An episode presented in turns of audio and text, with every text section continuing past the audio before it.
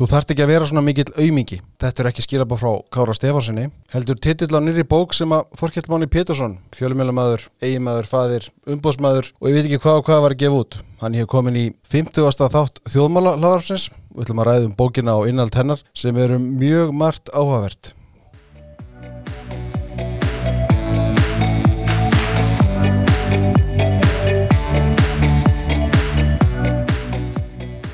Máni, velkomin. Já, gæður. Þetta er skemmtileg titill og bók, þú þarft ekki að vera svona mikill aumingi reyndar stendur þetta líka sjálfsjálfa bók fyrir kallbenn sem vita að sjálfsjálfa bækur eru fyrir, bara fyrir aumingja Hvað hérna, ef þú segjum bara eins og segjum frá bókinni, hvað verður til þess að skrifa hann?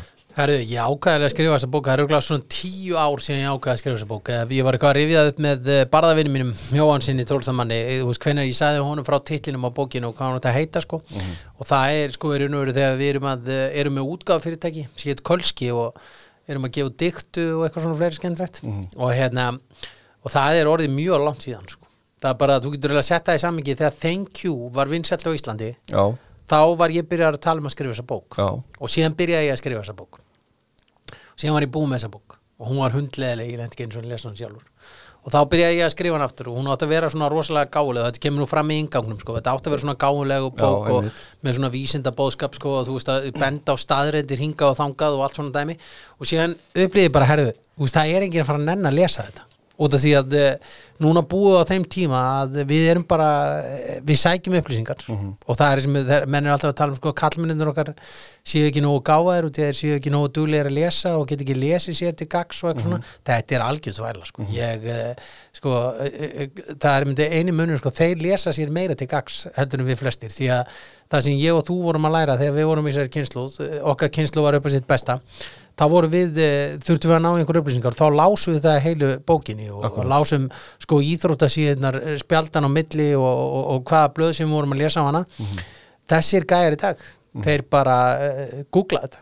Já, já, og þeir eru- enga stundaði. þeir eru enga stundaði og þeir sækja bara upplýsingar þetta skipti máli.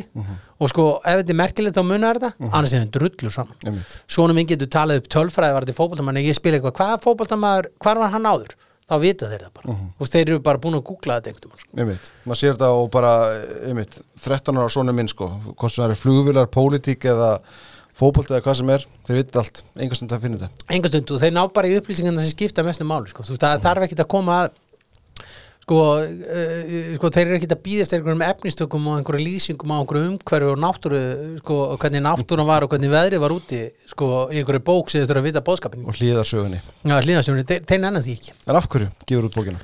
Herðu, ég gef hann út sko, veist, uh, sko, ég ætla alltaf að skrifa þessa bók og hérna, og alltaf langað og ég verð nú alveg að segja, mér langað alltaf veist, að verða rithundur, ég bara, veist að skrifa þessa bók og þetta er nú ekki mikill texti það var mjög erfitt og hérna, og ég var búin að leika mér alls konar að skrifa alls konar hluti í gegnum tíðina og mjög skáfulega vorum þá að hérna, að sko auðvitað, mér langaði til að rítu svona eins og Girðir Eliasson og, og Sjón þú veist, þetta er svona, þú veist, rítu sem ég bara, þú veist, já. elska, minnst ég geggjaðir sko og hérna, Þú sett þetta hóflega viðmið? e, já, hóflega miðmið og það var aldrei neitt fræðilega möguleiki að fara að vera, vera svona góður, sko, skiljum það er ekki hægt þú veist, það er bara ekki hægt, ég, er bara, ég segi það þetta er, þetta er svo ótrúlega kunst og hvað er eru klári, en síðan hérna síðan sko var þessi bók svona út af því að við vorum ofta, uh, þessir umræður verða til að við strákanir erum að tala um hitt og þetta og tala um hitt og þetta og, og ég er svona lent í því ofta hérna, það er hringt í mig. Og það er spurja út í þessu og þessu. Og þá tala ég í svona frösum vanandi þetta og eitt og það ástæðan fyrir ég tala í þessu frösum er náttúrulega því að ég er búin að fara með líf mitt svona oft í alls konar myrkur og alls konar rugl og hérna og, og, og, þá hefur ég leitast í að lesa trúabröð, lesa sjálfsjálpabækur lesa einhverja heimsbyggi og eitthvað svona dótri og fundið þetta allt merkilegt. Allt, það er, sko í öllum trúabröðum þá getur við fundið eitthvað sem, er, sem er merkilegt, þú sér það bara bara tökum bara eitthvað dæmi sko, í múslima, uh, múslimatrúni sko, í islaminu, þá, sko, þá fasta menn mikið nú eru menn allt í hennu hérna það er bara, ég er, í, bara hvað, ég er að fasta. Ég er að fasta hérna 16.8 ég ég er í öllum sem fasta dæmi og þetta er vera til sko. og það er sama, þú veist, með gýðingatrúna að það er ótrúlega margt sem er sko sko skemmtilegt þar, það er þetta viðmóð, sko, viðþór þeirra til lífsins, hvernig þeir horfa á það og þeir eru bara að lífa þessu lífi. Veistu, og ég veldi því oft fyrir mér sko, er ástæðan fyrir að þeim gengur svona vel út því að, sko, að þeir trúa því bara þeir þurfa að gera best úr þessu lífi og meðan við erum einhvern veginn að ég get bara verið einhver álkjöru augur því að veist, ég fæ náttúrulega bara upprísu veistu, eitthvað svona þvæla sem við vitum ekki um. Og, hérna, og það er alls konar svona hluti sem maður fann alltaf bara herðu. Og síðan þegar ég náttúrulega byrja að ala upp tvo drengi og annað, þú veist, og maður reynir að kenna þann góða sem maður kann. Og síðan hérna byrja maður að kenna hérna, eh, sko, byrja við vininir að ræða þetta og annað. Og, og síðan er þetta náttúrulega mikið af upplýsingum sem, sem, eh, sko, sem við þekkjum öll að það ringir einhver vinnur okkar í okkur og segir okkur og við getum gefið honum góð ráð en uh, það þýðir samt ekki endilega að við getum farið eftir henni sjálf sko. við getum gefið fullt af fólki góð ráð varði mataræði en síðan erum við ekki að fara eftir þessu mataræði sjálf. Já, en, þetta, þú en við vitum að þetta virkaði einhvern veginn á lífsleginni og það er það er í þessari bók allt sem er í þessari bók, það virkaði einhvern veginn á lífsleginni og, hérna, og ég veit að ef ég geti farið eftir öllu í þessari bók sem ég get ekki, út í ég er mannlegur þá hérna En reynir það? Já, ég reyni það sko. Nema að þú veist, ég leifi mér, veist, ég verð alveg veist, ég leifi mér sko að vera hrókakekkur og ég leifi mér stundum að vera reyður og eitthvað svona, þú veist. Það er ekki bara mannlegt? E, Jú, það er það. Og það kemur náttúrulega inn í bókinu þá talaðum við svona hluti eins og réttláta reyði þú veist, að hverju fólk verður brjálas, skiljum við. Og hérna, og ég held alltaf í grunni þú veist, þá gengur fólki alltaf sko gott til með fyrstum rundum, þú veist, það er það er þannig, við verðum bara að horfa það er bara staðrind og þegar ég tala nú um vísindalegu hluti og eitthvað svona, að það er 1-2% af mannkinni síðlust sko. og það þýðir að það er einn af hverjum sko hundras, mm 200 og það er mjög hæpið að þú lendir á þeim einhvern veginn í lífinu og það er því að þú, ef þú hleður þannig fólki í kringu þig og ert almennlega og ná ekki sjálfur þá finnur mjög fljótlega varandi svoleiðis karakter að herri það er eitthvað off varandi hennar nánga sko. mm Vist, ég nenni ekki að hanga með honum sko. og hérna, og þannig að sko flest fólk er bara topp fólk þó það hafi öðruvísi skoðanir við og annað og þess vegna kemur þarna líka samfélagsmiðlakabli það sem ég fjalla til dæmis um þetta sko. þú veist Já. hvað, við erum í heiftugri umræðu oft. Og það er einmitt eitt af það sem ég raka augunni því að var að glugga í gegnum bókina og lesa hana hérna, eins og samfélagsmiðlakablin að því að þú segir einmitt í yngangi að þú hefur byrjað að skrifa fyrir tíu árum sko, vantarlega hefur sákabli ekki verið til fyrir tíu árum að það er rosalega mikið breyst á þessum bara áratug sem að við höfum síðan síðust árin og þjóðfélagið svolítið tekur mið af því. Hvern, hvaða hefur breyst mikið einmitt út af samfélagsmiðlum að mjög liti Já, þetta er sko sko, hann var alveg 100% í til ástíma og ég þakka stundu Guði fyrir að uh, sko að hérna að ég hef ekki verið uppi á samfélagsmiðlum þegar þetta samfélagsmiðla moment var í gangi sko. Það er ekki í gangi núna? Jú, já, það er að segja að að það hefði ekki verið í gangi þannig á tíunda áratugnum Já, þegar ég var sko upp á mitt uh, skrýtnasta sko. Ég veit. að hérna, og því að þú veist, þá hafði maður einhvern engin sko mörk í einu en einu sko, og það er ennþá þannig, veist, og ég held að einhverju leiti, sko, ég hef talað um það og það er eitt kaplið sem er sko er mjög, uh, sko, fer svona svolítið í töðunar á mörgum og það er að uh, ég veldi upp bara spurningu hvort við séum öll rasistar ef við erum á samfélagsmiðlum.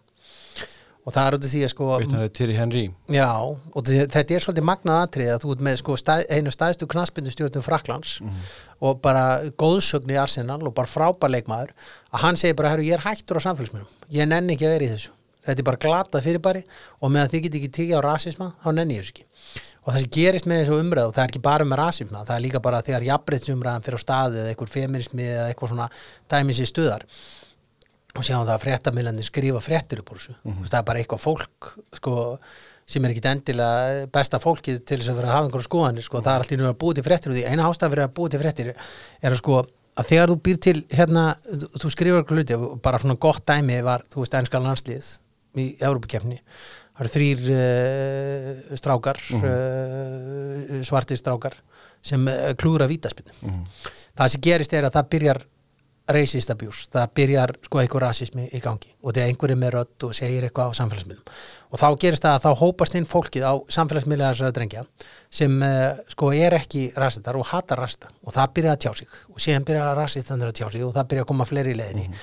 Og síðan kemur allt fólki sem bara fylgjast með Þetta gerist bara sól og hring þetta gerist bara sólarring og á sama tíma þá náttúrulega að sitja auglýsingamillanir sko, og þessi miðlar og þessar veitur að þeim finnst, þú veist, þeim finnst engin ástæð til að taka ás og þeim finnst engin ástæð til að taka út þetta rasista komment. Og það hefur ekkert að gera með það að það er hérna sko, það er frjáls uh, uh, uh, það er tjáningafrelsi að þetta og þetta veit heldur út að viðskipta mótil þeirra þó þau félir sér mikið á bakvið að þetta er tjáningafrelsi þetta er tjáningafrelsi að þá er viðskipta mótil þeirra, það snýst um þetta. Hefur ekki, ertu með Twitter? Já, þú veist, hefur tekið eftir á Twitter sem er bara ræðilegu miðl sem hann er sem hann, ef þú veist, hann er það bara, fólk er bara svo reitt þarna, ég bara skil ekki hvað þessi gremmi kemur og ég er nú takað fram að ég hef alveg verið svona reyður á samfélagsmiðlum og skrifa alls konar hluti, sko, sem ég, eh, sé eftir í dag, sko, en sko en máli er, og ég veit það ekki sko, þessi helmingin að þessi ég skrifa þetta og þá eru einhver eftir að finna eitthvað sem ég skrifa og segja, herr, þú skrifaði þetta?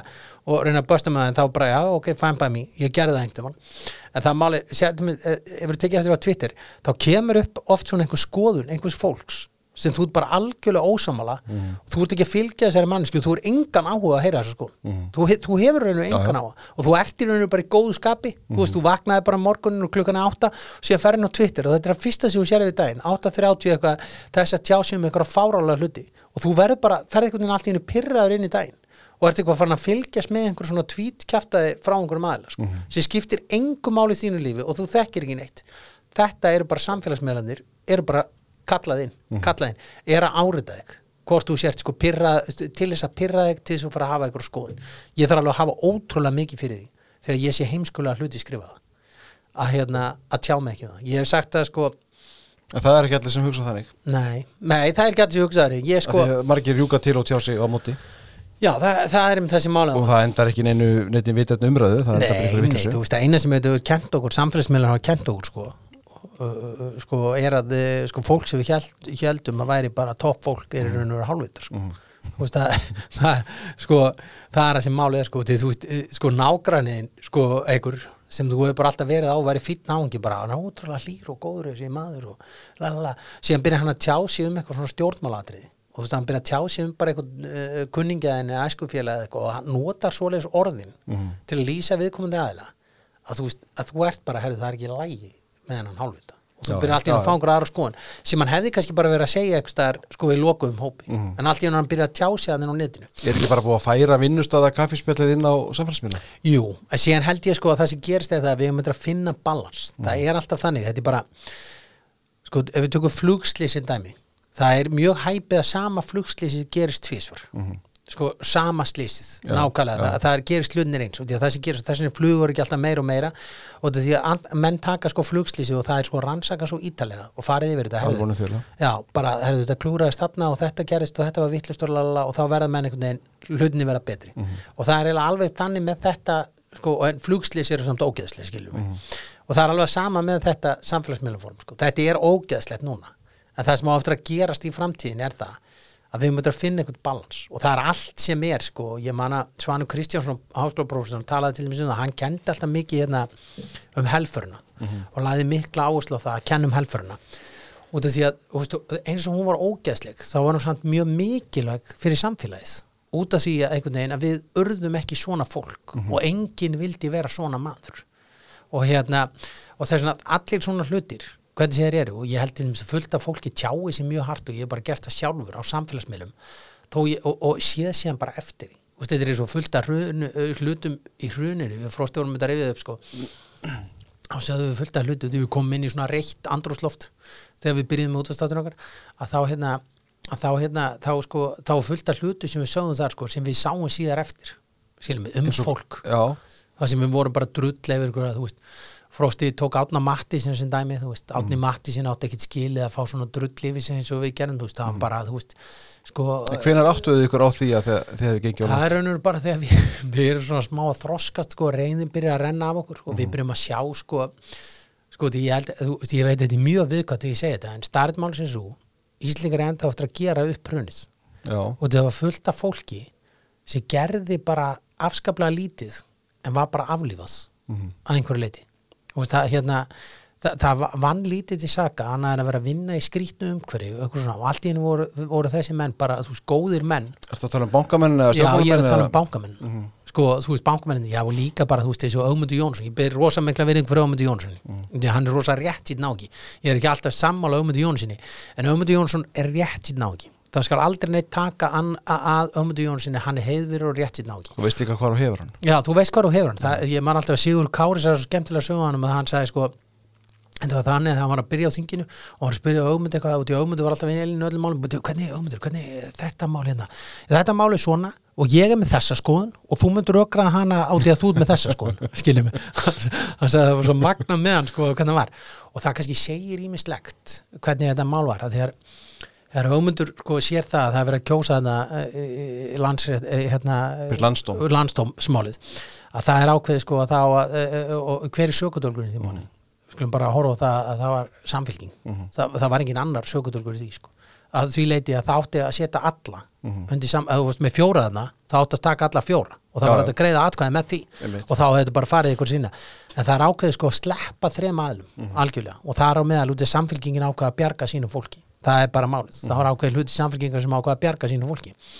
Fyrir vikið þá er einn maður dregin fyrir réttin og það er uh, Geirahorti og, og Ögmundur Jónsson. Sko ég spurði Ögmundur Jónsson að þessu og hérna ég spurði manna þessi viðtali sko og þá sagði Ögmundur sko og, og, og því að hann var bara að að fara að tapa þingsætinu sínu sko á því að hafa tekið þessi ákvörðun því að vinstir græni voru margir öskur eðir út í hann og því að hann bara, eftir hann fór þetta fór hann heim og hann las öll gögnin og hann lá yfir þessu öllu og hann bara, og hann var bara niður brotin og því hann tekti Geir Horti ekki neinu öðru en hann var í heiðurinn á ekki. Að þú veist að þetta fara að draga eitt mann og gera hann að sökutólki í þessu runni og hann las yfir allt og þetta hefur auðmyndu gert stundu þegar hann fær einhver mál bara. Og hann fær svona þrá ekki fyrir málum. Og þú veist, og fer yfir allt og hann bara, þetta er ósangjart og hann bara mætur og segir bara, ég sé eftir þessu, ég vil bara þetta verði tekið upp á nýju. Og var ekki stemning fyrir því í vafki og þetta var þannig að menn voru reyna að koma honum út. Sko, og, og, og hérna sko, sko kjarni vafki bara orða það eins og það þetta var bara stór hluti og þessi, með, þetta fólki sem þingmenn. Formaður tók ekki þátt í þessu bara svo það komið fram. Að hérna og, eh, og, og, og ég spöðu Ömmundu aðeins í viðtali. Og, þá segir Ömmundu bara við mig, Máni, ef ég fell út á þingi fyrir þetta atriði, þá er það bara allt í lagi. Því að þú veist, ég á þá bara að standa með réttlætin ég sé ekki eftir þessu eina myndu ég menn aldrei fórna því sko að það átt að fara að draga heiðverðan mann fyrir dómstól fyrir eitthvað þingsetti, þá væri ég bara ekki sá maður sem ég ekki vera sko og hérna, og að, og það er svona eitt atrið, þegar sem snýra pólitíkinni, þá er það þetta atrið auðvitað hefði pólitíkin átt að standa sér betur og auðvitað hefði peningakallina það að standa sér betur. Þeir voru bara fjeggráðir og, og skildi ekki hvað innihald peninga var að einhverju leiti, síðan var fullt af bankastarfsmönnum sem voru bara mættir heiðvirt og gott fólk vil ég menna var bara mætt með öklaband í Garabæn sko. En það, e- e- akkurat, akkurat. Og ég meina að fólk var handi ekki fyrir utan leikskólana bötunum sínum veit ekki hvað hvað en sko, þessi hópur nýtur samt enga samúðar í umræðinni, þú veist, það er rauninni mjög, er, svona einhvern veginn erfitt að, að hérna, fara að verja þau, það er enginn sem gerir það. Mér Nei, fór. en ég held sko veist að það muni koma sá punktur. Veist Af að því að þorir sum- enginn að fara í þessu umræðu núna. Það þorir ekki, þú veist það eru bara of fáir hugur ekki menn sem þorir að fara í þessu umræðu núna. Og það þarf einhver að vera betri í þessu heldur en ég að gera það, bara svo ég segi ég er bara kjátt á sko. Hérna, en það, það, það, það mun koma sá tími, það er bara eins og við finnum balansvarandi í samfélagsmiðla, þá mun það koma fram einn daginn, þú veist, þá ákveður einn af þessum mönnum sem lendi í þessu þvari hann mun bara segja, herðu, þetta gengur ekki upp sko. sko ég veit um einn mann sem borgaði sko, sko næstu í 100 miljónir í skatta fyrir ekki neitt. Hann ger ekki neitt af sér. Og hann átti ekki að borga þessu 100 miljónir skatta. En hann gerði það bara átti þú veist uh, uh, sko ríki var bara búið að leita peningum sem sko hann átti að hafa einhvern tímann gert eitthvað með og hann sagði bara þeir munu aldrei hætta skilja mig. og ef ég bara ætla ætla einhvern tímann að geta að lifa lífi og hætti þessu þá var ég bara að borga þetta. Og hann hafði ekki sko tekið þátt í einu en einu og ekki komið nálætt neinu með þessum fyrirtæki sem fóru á hausinu sko. og þetta er sko og þetta var svona, og stemningin var bara svo súr, við getum bara orðað það. Stemningin í samfélaginu var svo súr, ég var partur af henni skiljum, ég var öskur reyður ég var brjálaður sko. yfir því að allt væri farið og allt í hennu bara húsi sem ég keipti á 80 miljónir, það bara allt í hennu kostaði, ég skuldi allt í hennu 34 í því skiljum mig og það var, og þá, þetta er nú kapli í bókinu fjallar réttláta reyði Já. og maður þarf að skilja það sko.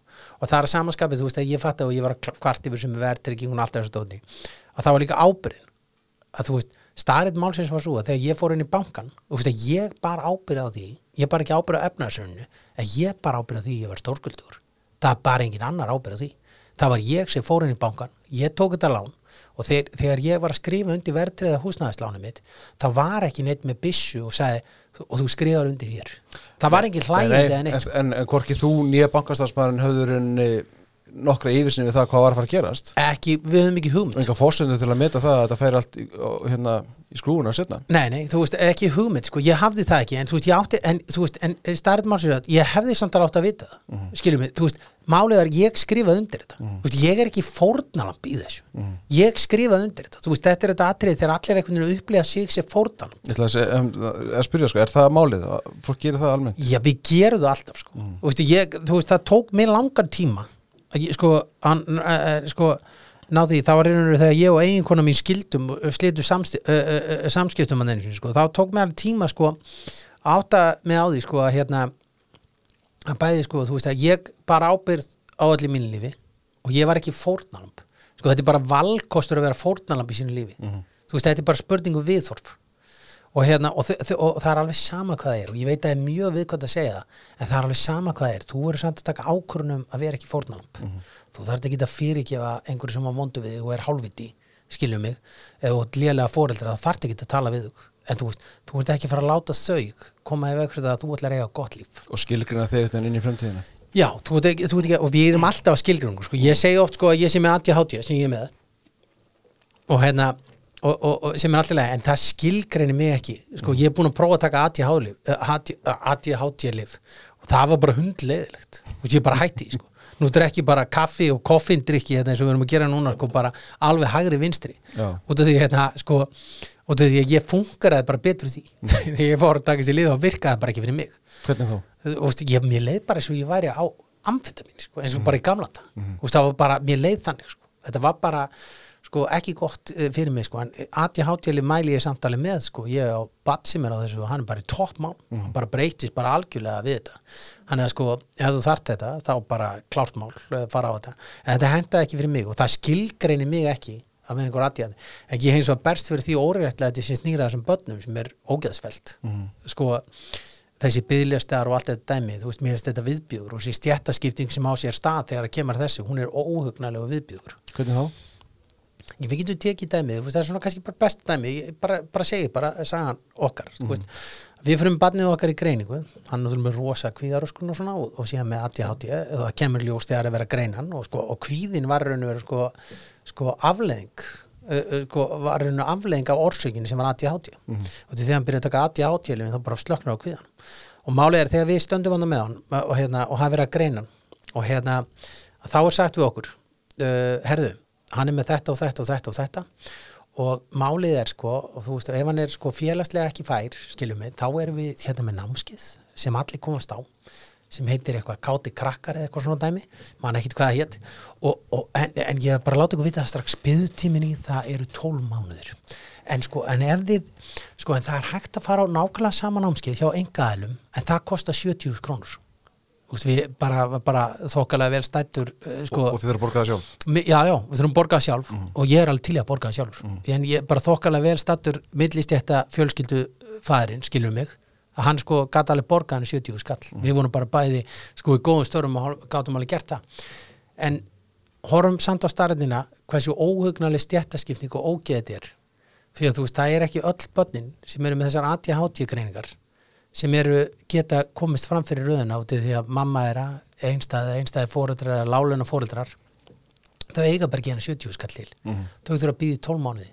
12 mánuði þessi barni kannski á erfitt með að finna sér áhugamál og, og, og, og, og geta gengið inn í íþróttir og dregst aftur úr í skóla í 12 mánuði viðbútt þetta finnst mér vera svo mikill viðbjöður að til dæmis þetta er svona eitt af þessum atrið þess að ég get bara ekki fyrirgefið sko stjórnmálumönnum hvernig staðan er komin. Á sama tíma og þeir bjóða mér alltaf upp á það að segja við mig að það sé, líð, að það sé þá líðræðisins að þeir þykki 2,8 miljard á kjörtímabilinu til stjórnmálflokkar þetta finnst mér, og þú veist og mér finnst þetta ekki út í öll pólitík sko hægriða vinstri pólitík, hún snýst um sko forgásur, hún snýst ekki um neitt annað. Og þetta atriðum, þetta getur gert mér bara reyðan sko. og þarna fer ég réttláta reyði Í þessu velmöðanlega þjóðfélag sem við búum. Já, og þarna fer ég réttláta reyði sko, sem er að mér finnst ég hafa rétt á þessar reyði og þess vegna get ég ofta orðið alveg hrikala brjálaður þessu. Og ég hef alveg öskrað sko, menn eins og þetta frosta rómi niður ég var að tala um gulla þórum sko, sko ég var svo reyður, ég var bara að byrja að berja í borði í stúdíónu sko, Já, já, sko hérna, og, og ég get veginn tekið afsökunum að gilda sko að þetta sé bara svona og takki svo langa tíma og þetta sé miklu ferlar, þetta er ekki svona flókið bara drullist til að redda þessu En sko, þú minnir sér náðan á fórnarlamba væðingu eða, eða þú kallar endur ekki það, þú sagði bara við ættum ekki að vera alltaf fórnarlamb en, en ég, ég not orðið fórnarlamba væðinga þegar við sjáum þetta mjög oft í þjóðfélaginu.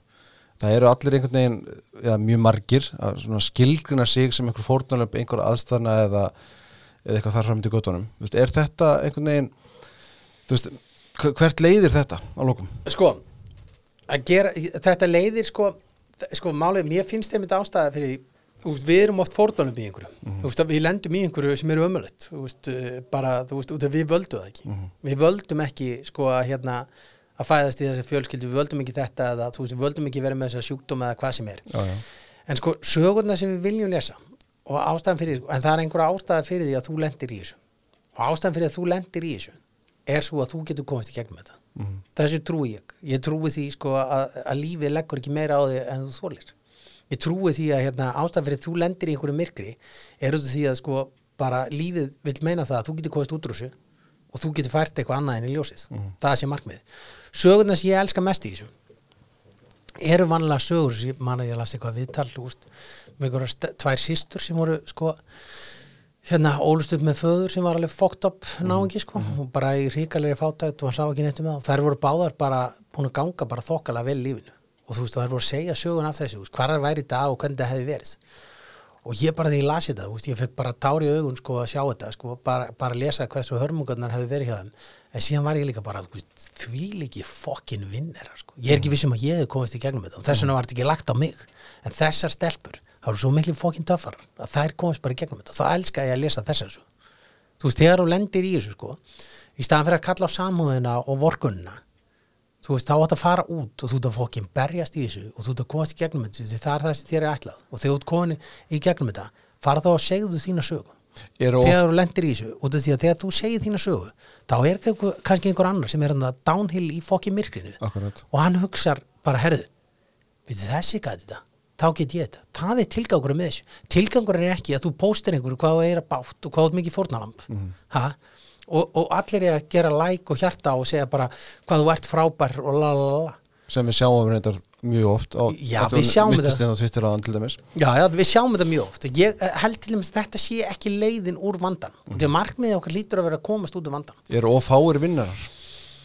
Sko, þú kallar þess að stelpu vinnara þú veist, meni, er, eru of fáir sem að bara berja í þetta á bringuna og halda einhvern veginn áfram og þú veist, sko- vísa upp úr þeim aðstæðan sem þau búi í eða Það er búa við. eða Þetta er einhvern veginn, sko, já, þetta, já, nei, sko, það eru margi vinnir og það eiga allir að vera vinnir. Mm. Við búum í rosalega skrýtnum samfélagi. Þetta er eins og þú veist, það fyrir allt brjála, sko, þegar ég segi alltaf, hérna, ég harma ekki að þú, sko, sko, alltaf að lesa upp úr tímarættir í frjálsa versununa hver er borguð mest í skatta og vilja þakka þeim fyrir skiljum, þá verður allt brjálað þetta er í staðan fyrir það sko, þú veist að þegar við sko, þú veist, ég fæ stundu samviskupið ég er með lág laun í tekjublæðinu sko, hérna, og því ég veit að ég er líklega myndurlega betri laun en þetta. En sko, en út af því að, að hérna, við megum til dæmis ekki pælti hvað þetta er skrítið atri þess að það gemur svona, herðu, þú bara, þessi fekk bara 70 miljóni í mánuðanum og í staðan fyrir það sko, að, þá byrja allir að kalla sko, að hann hafi raunum svindla til að eiga þessar 70 miljónir í staðan fyrir það að við séum að þakka fyrir bara, herru, við skulum gera einhver grein fyrir það að þessi gæi, hann er bara borgað fyrir einhver sko, hérna, með, með, hvað, hvað er hann með, sko, 70 miljónir, hann er með hvað, 1, eitthvað bara næstu í miljardi í laun, sko að hann er bara borga reksturinn á einhverjum 3-4 leikskól, þessi gæi, sko. Bara djöfissi snillingur er þetta í staðan fyrir að við séum bara, herru, bara þú veist, við værum ekki hérna með samfélag sem gengi og við getum ekki borgað þessum stjórnmálaflokkum í nafni líðræðsins 2,8 miljardar nema út af þessum gæi Nei, það þarf eitthvað að þú búa veist, sér þessi peninga til. gæi geti búið til, sko, komið út sko, hérna, bygglistum á bugl, hann geti komið út og í greiningavistun, hann geti komið þessum listum út. Þú mætti ekki segja það sama um einhverjar atvinnugreinar bara eins og sjávarútuðin sem er um alltaf að deilum en er Jú. að skapa hér alveg ótrúlega mikið að verðmættum jú, jú, sko, þó ég, að einhverjir útgerðamenn líka hagnist jú, jú, ég geri það alveg líka sko. þú veist, ég alveg segi það alveg sko, þú veist, það er alveg margt sem við meðum breyta í kvotakerfinu, ég er alveg hlindu því að það sé hækkuð eitthvað veiðugjöldin og það er ekki eins sko, þau sé eitthvað svona. En mér finnst alltaf lægi arðurinn sem greitur út og menn með ekki gleyma því að þegar, að menn alltaf sjá þegar er arðgreisla þá fá menn alltaf bara eitthvað djöfis í svindla. Hann sé að greiðis út, hann er bara að fá svo og því arðgrein er alltaf sett hann upp í fréttum. Sko, því að hugsaði þetta dæmi, og ég það er svona eins og argrislu vaks á trjánum Já, sko, þú veist, að, hugsaði þetta dæmi, sko, ef einhver blama myndi taka það, sko, þú veist, ég býð eftir, sko, að í staðan fyrir að skrifa, sko, greitu sér 6 miljardið skatta, að það skrifa töluna sem er greitu til samfélagsins í skatta, sko 6 miljónir greitt fyrir 6 miljónir í arð í stand fyrir bara, herðu, við skulum reikna út hvað er borguð í skatta. Mhm. þú veist, mundu horfa aðeins öðruvís á þetta bara, herðu, úti, þú ert að borga af arðgreiðslónu þín og, veist, og það er oft látið eins og það sé búin að borga af hagnaðinum áður Já, já, og það er alltaf látið eins og það sé verið að borga sko bara einhverja pínu litlar upphæðir af þessum, uh, þessum miljónu sem eru þarna. En það er ekki alveg þannig. En þá er ég ekkit sko að bera, mér finnst alveg að það sé hægt að hækka veðugjöldin hérna og mér finnst alveg að ég að vera hægt að sko að, að bjóða upp á hérna bjóða upp á svona kannski réttlættir skiptingi þessu, mér finnst til dæmis að þú veist það er ömulegt að smábátar hafi farið jafn mikið út og þeir gerðu sko og þetta safnast að fara manna hendur þú veist það er allt saman ömulegt og þetta er sum fiskvíslu fyrirtæki, við skulum áttu góði í Vestmanni þá er búið að gera tilbúið kvóta þar miljón sinum þar er kvótin í höndunum sko aðalega á einhverjum konum. Og það er hugsa öðru sem kallandir og það er hugsa þannig að ef það selja kvótan þá skaða þær eiginu sín er hann farinn. og þá er hann farin og þær segja bara nei. Þú veist kvótakerfi er ekki gott fyrir vestmanneika þó þeir hafa barist fyrir það. Ástæðan fyrir að þetta gengur í vestmannegum út í að kvótaeðunum þar hugsa um samfélagið sitt og því ef einhver að, að, aðrir ættu þetta og sé bara, ef það ættu einhverju kallar mest allir kvótanana, þá var líklega búið að selja einhverjum sko, guðmyndi í bremið einhverjum kvótan þú veist, það, það er toppmaður að guðmundur. Já, já, Guðmundur er mjög skemmtilega, hann er miklu skemmtilega menn heldur, hann, þú veist, hann er einn af fáum sko, kvótagreifum á Íslandi sem þor- þorði að mæti Harmageddon og hann Já, mætti hann bara. Já, já, hann kom bara, ég hitt hann sröppu og sagði, þú var að koma í þáttinn. Mm -hmm. minn hérna Harmageddon og hann leið þið eru alltaf fokki rífandi eitthvað kjaft. Og sér bara, herru, ég kem bara. Og síðan bara mæta. Og það var alveg hugrakkur í því bara mæta, sko. Og hérna, og ég bara, ég bara kann ég kann hún bestu þakki fyrir það. Það veist, en áður en við leysum kvotakerfi sko, hvar, hvar stendur í pólitík? Sko ég eh, vil meina að ég, ég, við erum alltaf með þetta grína ég sé frjálsíkju sósialisti já, það er ekki neitt launungamál sko að besti stjórnmálaðar íslensku þjóðarinn er Katrín Jakobsdóttir sem hún er vinstri græn ég og Katrín Jakobsdóttir er ekki sammáli mikill í pólitík endilega alltaf. Og ég á ekki mikla samleið með flokknum hennar. En ég hins vegar sko ég vil búi í landi þar sem Katrín Jakobsdóttir er fósætsar og hérna og, ég, og það er meiri hluti þjóðarinn að sammála mér í því en hérna, en ég vil meina til dæmis fyrir mér sko er sjálfstæðarflokkurinn allt og mikið vinstirflokkur mm -hmm. Vist, er bara, sjálfstæðarflokkurinn er bara vinstirflokkur mér finnst alltaf bara bjánalegt þegar hann er að halda þið fram að hann sé ykkur hægri flokkur mér finnst það bara svona, þetta meikar ekkit og þeir eru svona fattir að viðurkenna það sömur sko, yngvað smári til dæmis og fleiri skemmtilegir strákar. Já, já. að þetta sé bara social undir það mörguleiti þetta sé bara sósjaldemokrata flokkur og, hérna, og síðan stopnum við alltaf nýjan vinstirflokk og því við viljum meina vinstirflokkarnir séu svo hægri sinnaðir en það sem Íslands samfélag þarfirinu er flokkur sem er bara hardcore frjálsleiki flokkur. Sem er bara, það eru listamannalaun það bara gengur ekki upp, ég er á móti þeim. Og ég er samt með listamannalaunum. En ég vil samt fá þennan vinkil í pólitík. Mm sjálfstæðarflokkurinn hefur aldrei gert neitt annað en að auka ríkisjótt bara alveg, bara alla tíð sem þeir hafa verið stjórn það voru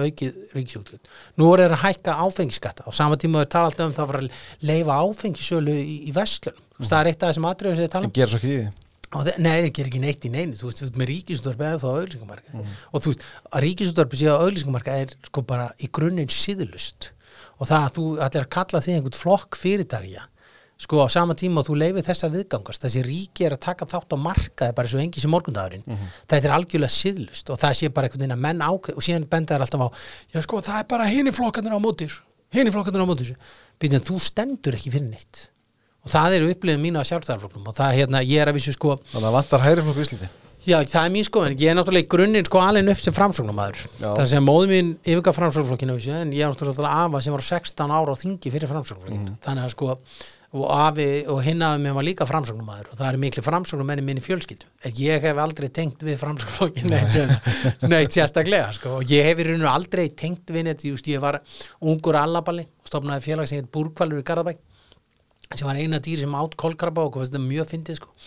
Og hérna ég held að við erum bóluskakkir þegar þetta nafn kom upp hjá einum skemmtilegum sko, það var eitt skemmtilegu í skólan sem var búin að segja mér það sko. og hérna, sko, hann var ekki að reykja með okkur. Ég taka það samt fram.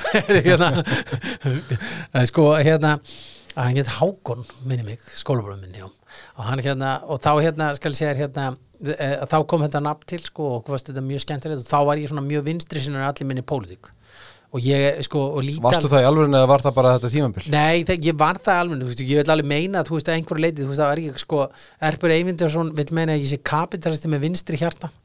Og hérna, og þú veist, út af því að ég er sko, ég hef aldrei þegið neina peninga frá ríkinu þegar, sko, ég er náttúrulega reik mitt eigi fyrirtæki. Búin að gera það lengi og þú veist, og ég var til dæmis á launaskrá eftir því fyrirtæki, var á, á því. Þegar að kemur til dæmis hrunið þegar kemur núna COVID já.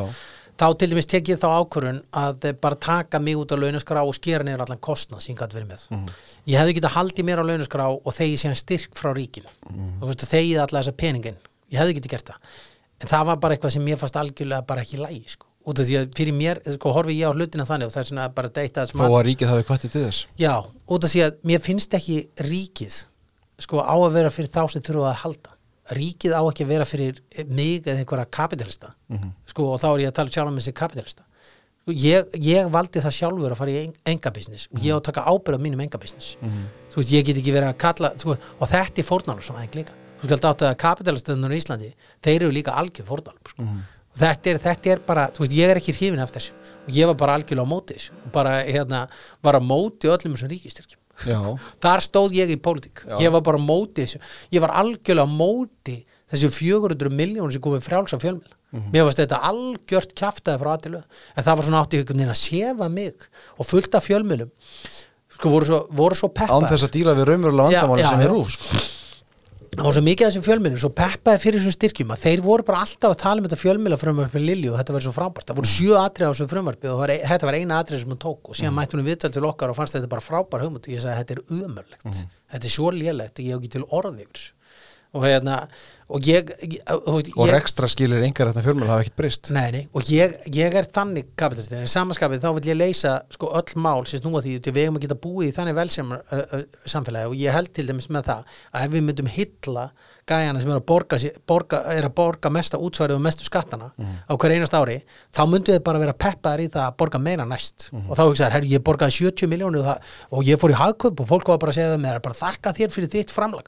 Að þá hugsaði þessi gæja bara, herri, ég ætla bara að vera með 80 miljónu næst. toppa þetta næst. Toppa þetta næst. Og þú veist, og af því að það kemur líka sko, það oft svona notur svona einhver pólitík sko, og þetta er hugafar að borga til samfélagsins. Og það það er nú eitt kaplega þetta sem heitir peningar eru kjærleiksríkir Já. Og hérna, og fjall- fjallar um það sko, að því að við erum að borga En þú talast þannig ekki um þessar skattgreslur Nei, en uh, fólk verður að sko átta sig að það, það, er minnst að náða að uh, borga til samfélagsins. Og hérna að ég skal segja að hérna að það er svona sama atrið sko að hérna ég held til dæmis að hérna að fólk vilji sko alveg hjálpa sínu samfélagi að borga til samfélagsins það kemur oft eitthvað ef við hækku skattina að fara bara menn með peningar til útlanda. Þetta er kjaftaði út af því að þegar skatta voru hvað lægstir á Íslandi þá voru menn samt að fara með peningar sinni skattaskjól. Þá voru þeir meira að fara með peningar sinni skattaskjól en þeir gera núna. Það er nú bara staðrætt málsins. Þannig að þetta er raunum bara hugafar hvers og eins að vera að gera. Og ef við myndum til dæmis sko ef við myndum segja við þessa ríku kalla bara þeir var að gera frábært mót og þakka þeim fyrir og þeir þyrfti ekki sko að vera sem mér finnst alltaf hræðilegt og kemur náttúrulega eitt kaplaðið í bókinu líka um það að þú ert að gera góðverk og segja frá því þá ert ekki að gera góðverk fyrir neitt nema sjálfa þig og það er, við sjáum það alltaf þú veist, það er byggt eitthvað þetta og hitt og það var svona gott dæmi í bók. Mann og ekki hver skrifaði bók hvort það hefði bara verið er bíóhöllin á Akranesi, hún heitir bíóhöllin á Akranesi hún heitir það voru alltaf heitið það veistu hvað byggði bíóhöllin á Akranesi? Nei. Haraldur Böðvarsson útgerðarfélag. Og Haraldur Böðvarsson byggði bíóð út í að fólki hans á fiskvilstöðinni var alltaf að fara í bæin í bíó. Og hann tjekkaði bara hvort það var ekki hægt að fá bíómennir upp á skaga. Og niðurstaðan var jú, jú, það er alveg hægt, þú getur fengið það bara viku eða mánuð eftir eða hvað var sko. þannig að hann byggði þetta bíó. Og, og, og, og þannig að vinslufólki hans þurfti ekki að taka Akraborgin yfir í bíó þetta gæti bara farað í bíó og stanum og kostaði minna hagnaði bíóinsins, hann fóð síðan í spítalan á Akranissi mm Herðu, hefði þetta bíó verið byggt hérna, núna á 21. öldinni hvað heldur þetta bíó hefði heitið? Bíós Haraldar það er bíós HB Granda það hefði heitið það sko bara við erum að byggja þetta bíós HB Granda og erum búin að segja okkur hvað við erum frábært fólk það er svona öll svona umræða alltaf sem er eitthvað við erum samfélagslega ábyrgt fyrirtæki þetta fer geðvikt í töðunum sko. Já, af hverju? út af því, Af því að það er kraf um þetta sko já, það er krafa um þetta en þú veist, býtu, þú átt bara að vera samfélagslegt ábyrgt, mm. ábyrgt fyrirtæki. Þú átt ekki að þurfa eitthvað að tilkynna mér það fokkin sérstaklega sko. þú veist, þannig ertu bara að byrja að selja að þú sért eitthvað góðu náingi þegar þú ert að endilega ekki. Við höfum alveg séð það í gegnum tíðina. Sko, hérna sko, e, e, við sáum orkuður reykjaður sem var rosa mikið PC fyrirtæki og hvernig fór síðan fyrir því? Veist, við sjáum þetta var til bankastofnunir sem fór að keira sig upp á þessum hlutum. Byrju, hvað var síðan okkur bóðið upp á? Þú veist, þetta er ekki þetta er ekki, sko, mér finnst þetta við að setja upp ykkur leik þetta? Fyrir mér er í að setja upp- Kannski í atvinnulífinu og jafnvel stjórnmálun líka? Í, það er alltaf þannig. Þú veist, það er alltaf þannig, fólk er alltaf svona selja, ef þú þarft að selja að þú að sért góðum maður. Sko, þá ertu ekki þá hérna trúir þið ekki sjálfur sitt góður og það er að sama með fyrirtæki.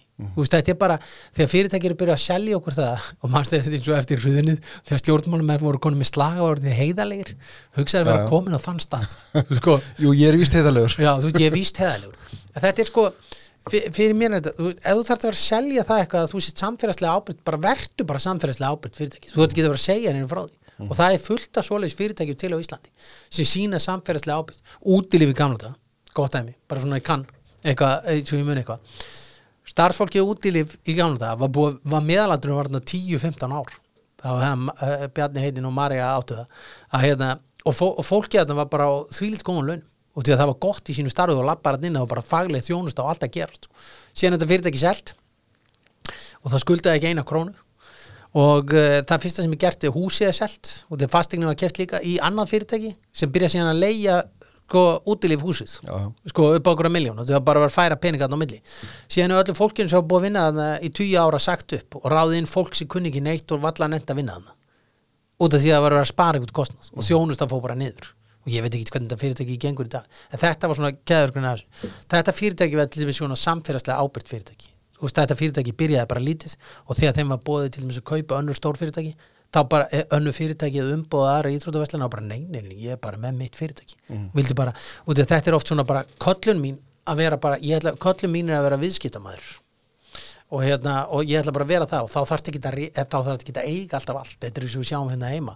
Það er alltaf þannig að við tekið eftir því, sko, einhver staður gengur vel, skiljum að þá er hann alltaf búin að opna okkur fjórum öðrum stöðum. Þú veist, af hverju er þetta skiljum Þetta- af hverju er þetta? Ég, ég næð því ekki sko. Nei, við gleymum okkur mjög oft í velgenninni Já, við, við gerum það sko, þú veist, í staðan fyrir, þú veist, e, e, sko, og erum við hamingisum, mm. skiljum við, verðum við hamingisum þegar við erum búin að hóna, sko, e, erum við hamingisum með þrjá staði, verðum við meira hamingisum með fimm staði, fyrir hverjum erum við að selja þetta, sko, í staðan fyrir að reyka þrjá góða staði með frábæra þjónustu og allt upp á tíu, eða eitt stað, sko, þessi bara Ítalía, þú veist, Ítalía veit ekki Já, já. að veist, það voru sömu eigandur bara endalust, bara alltaf sömu eigandundir og þeir voru bara alltaf, það var alltaf þú fórst þannig að það var góðum matur. Og þjónustan var góð og allir hluti voru bara í topplægi sko. Hefðu að öllu líkitum geta útvíka brandið eins og það heitir? Þeir hefðu getið gert það sko. Devitos pizza, skiljið mig. Þú veist þetta er bara sko, þú veist, hvað erum við að hugsa? Bantai, besti veitingastæðar á Íslandi. Sko, hann er búin að opna sko ykkur á tvo staði, þú veist, hann annar hinn með við guttuna sko, þú veist, hann, sko þe- þeir staðir eru bara stórkostlegu staðar sko. þannig að þetta er svona já, maður, um, um, þú veist, ég hugsa þetta oft. Sko, akkur við alltaf akkur alltaf að fara í þetta? Hverjum erum að selja það að við þurfum að vera bestir sko? Það hverju eru að kaupa eh, sko 150-200 miljón krónar fastegn og í einhverju rísi einbýlishúsi með tvö börn sko eh, og, Er það ekki bara því típiska íslenska lífskeiða kaplup? jú, það er það sko.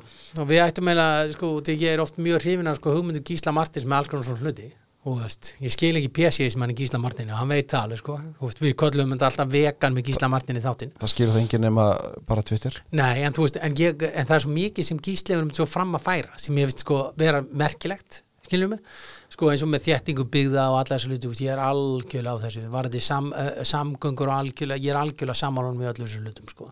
Og hérna, og þú veist, og það er líka, þú veist, að vera eh, þegar við erum í þessari efnisíki, sko í staðan fyrir að kaupa með einbýlishús, sko, uh, sko upp á 150 miljónir eða 200 hvað er, ég veit nú ekki hvað þetta verður orðin núna það er allt orðið svo störla að þá séum við frekar að hugsa bara, herðu, við að hérna, við erum hérna, fjölskyldan er hvort er alltaf bara á þessu svæði. Það er bara stóri fermetrar út í ég sá einhvern mann sko ég var að kynna með minimalisma sem ég er ekki mikill þáttakandi ég vil bara það sé alveg að fólk, fólk kemur heim til mín og þú veist þú sér allar merkjaverðnur og burglu og bulli sem ég kaupi sko, þá myndi það bara er þessi var að lífa en þá er svona hluti sem að tók út úr því sko, var við þetta atrið með stóra húsið sko, að fjölskyldan var síðan bara á okkur um ákveðnum bletti. Og ef þú varst með stærra hús og lengra á milli herbyggja þá voru bara samskipti mi- minni sko. og þú veist, þú átt ekki frekar að eða peningunum í bara skemmtilegri föt fara til útlanda, borða betri mat og þú veist, og lifa lífinu og hafa gaman að í staðan fyrir eitthvað ég ætla að kaupa þessar rosalega miklu steipu ég held að sko, þessi kynslu sem er að koma upp núna hún hugsi þetta meira svona Já, hún hugsa þetta öðru hún hugsa þetta öðruvísi sko. Veist, Metur lífskeiðan annan hátt Já, ég held að hún meti mitt lífsgæðan á annan hátt heldur en kynsluðun sem, sem við kannski til Mhm. þannig að sko en það allar kynslu er betri en svo sem var að fara sko. Sko, ég ætla að, að þú nefnir þetta, ég ætla að koma að sinna þetta kynsluðan sem er að koma upp. Mér nú ert þú búin að vera viðriðin naspinnu þjálfun og, og, og mjög lengi og naspinnu heiminn mjög lengi. já, Sko, við erum að sjá, sko, hvernig er þetta? Vistu, við heyrum kynslu fóreldra okkar. Hún talar um aumingjaveigingu, mjög mikið. Og lítur örgulega á kynsluðan sem er að koma upp núna sem hálgerða aumingja. Og við sjáum auðvitað mjög mikil trend af því að fólk er að gefast upp fyrir alls konar hlutum, kannski komast að, að eftir. En sko, ég nefni þetta knastbyndu heimina því að veist, nú eru haldin knastbyndu mót hverju einasta sumri og við veitum allt þetta og það eru þáttökum medaljur fyrir, fyrir hérna, þáttökunar og það er skilgrinningin á sigurver er orðið mjög bjöguð í þessum heimi. Er þetta gott eða vil Er, meina er þetta ekki rétt hjá mig kannski? Ég vil meina að þetta sé, ég ætla að segja, jú, þetta er rétt hjá þér. mér, mér finnst þetta slæmt Mhm. þú veist, það er að segja, sko, mér finnst þetta þegar það kemur á þessu hluta knastbyndur, þá finnst mér þetta ekki vera, sko, það fengu allir, sko þáttökumedalíu og ég man þegar þetta var að byrja þá var þetta frábært. Út í að þú veist, þá voru strákandir bara, út í ég er búin að þjálfa það fábalt það lengi, sko, ég byrjaði að þjálfa tvítur, sko, að þá bara, það fá allir medalíu og þá var þetta bara frábært, allir bara, fá allir medalíu. Og bara, yes, og þeir fengu bara medalíu fyrir að lendi í 16 sæt af 20 24 lið. Og það var bara frábært að fara heim með það, sko, menn geimdu medalíun og geimdu þetta logo og svona, þú veist, áttu þessa minningu. Já, já. og þú veist, og oft er þetta orðið bara svona vörumerkja logo í dag, sko, þú veist, það er bara N1 lo- uh, sko, gullmerki og þú setur N1 medalínu en hún hengur upp á vegg og þú ert alltaf með N1 fyrir fram að þig og þetta er svona taktika því. En sko, er, Símamótið og allt þetta? en núna er þetta orðið þannig og þú veist, og ég hef 1.16 ára að þú veist, hann er löngu búin að einu medalíðuna, sko, hann að vísu geymir ekki einu sinni medalíðuna sem að vinna fyrir KSI sko, Mm. hvort sem það er gullið eða silfur sko, hann er vilt bara gefa einhverjum með það, og það svo hann svo vissum hann týnu þessu sko en sko, þú veist, ég byrja að reyna að taka þetta núna svo hann hendi skjöldu, en málið er sko að, að þær medalíður telja skiljum mig, en medalíðuna sem hann fær fyrir þáttöku, það eru alla farnir rusli fyrir löngu sko, þú veist að hann hefur engan, eh, bara eh, hefur engan á að eiga þetta og þe- þetta er ekki gott. Og því, veist, það er líka og ég get bara tekið þetta dæmi að þessum síni mínum sko, þú veist, uh, sko að hérna að hann klúðraði vítaspinnu enn eitt móti og grétt sko, þegar hann var búin að klúðra vítaspinnu hann klúðra, og síðan fór hann til Finnlands og tók þátt í móti þar og hann klúðraði vítaspinnu og var rosa svektur og eldri bróðan sturt að ringi hann og peppa hann upp sko. Og þegar hann klúðraði vítinu og segja þetta væri nú samt fínt vítur hann er búin að taka vítaspinnu hann er búin að taka 30 vítaspinnu síðan þá hann er ekki búin að klúðra neitt nýra og hérna og Einmitt það- sko, er, er ekki gott að læ, það, það lítur að vera gott, sko, eins, eins sárt og það er að verða fyrir svona áfalli, þú veist, þetta er áfalli á þessum að, veist, strákur og glúru viti, en sko, er ekki gott að læra að kunna að tapa, eða læra að tapa einhvern veginn? Jú, það er það og því að þú veist, að það er það og það er bara partur af lífinu sko. við hefum ekkert að, ko- að leifa börnunum okkar að komast í gegnum það, að komast í gegnum erfiðleika sko. það er oft sagt sko að hérna, þú veist, e, e, bara eins og er, mestu erfiðleikarnir eru líklega að lendi ástasorg og það því að við ofmetum ástasorg það er mín skilgjöning á því sko, ég bara veit meina að ást er bara svo trú á Guð sko. Og hérna og málið er að hérna sko að það er samt þannig að þú verður aldrei alvöru kallmaður fyrir að það er búið að brjótið hjarta tvisar eða þrísvar mm sko, og þá er ég ekki að tala um eitra kallmyndum menn vil alltaf fara til það. En þú veist, það er því að þú sko lærir auðmygtina og þú lærir það að þú kemst út úr hlutunum og hlutinni bara gerast skiljum þetta er, þetta er þú veist, það er allt í læg Já, og maður upplifir þetta bara sem fóreldri, að veist, auðvitað er alls konar hluti sem maður hefur ekki upplifað sjálfur sem að maður óskar böttunum sinum ekki að upplifa, en þau hafa samt svo gott af, Já, ástasorg, einmannleiki, einhver, einhvers konar niðurbróti eða, veist, eitthvað, sem kemur fyrir. en börnin okkur, þú talar um auðmyggjafingu börnin okkar eru, sko, börnin okkar eru Við erum alltaf að reyna að hlýfa þeim við þessu. Já, það er því að við erum að gera það á auðmyggjum. Sko, ég, sko, hvað ég hugsa út eða, sko, fórættra mína, tökum þessi dæmi. Sko, þú veist, ég, maður, ég fór í jarðað fyrir hún Safa, sko, þá er verið að segja frá því þegar kom ramagn í, sko, í, hérna, í sveitina hans Safa Nei, í sveitina hans pappa, þessi pappi og þá var pappi 13 ára. Og ég, ég man ekki að hugsa sko, ég hugsa, já, nú skil ég okkur hann elskar iPadin svona, svona, svona mikið. Sko, hún finnst þetta bara magna dæmi, skil ég hvað minna og, og móðu mín og faðir, sko, þau eru bæði annar upp í sveit.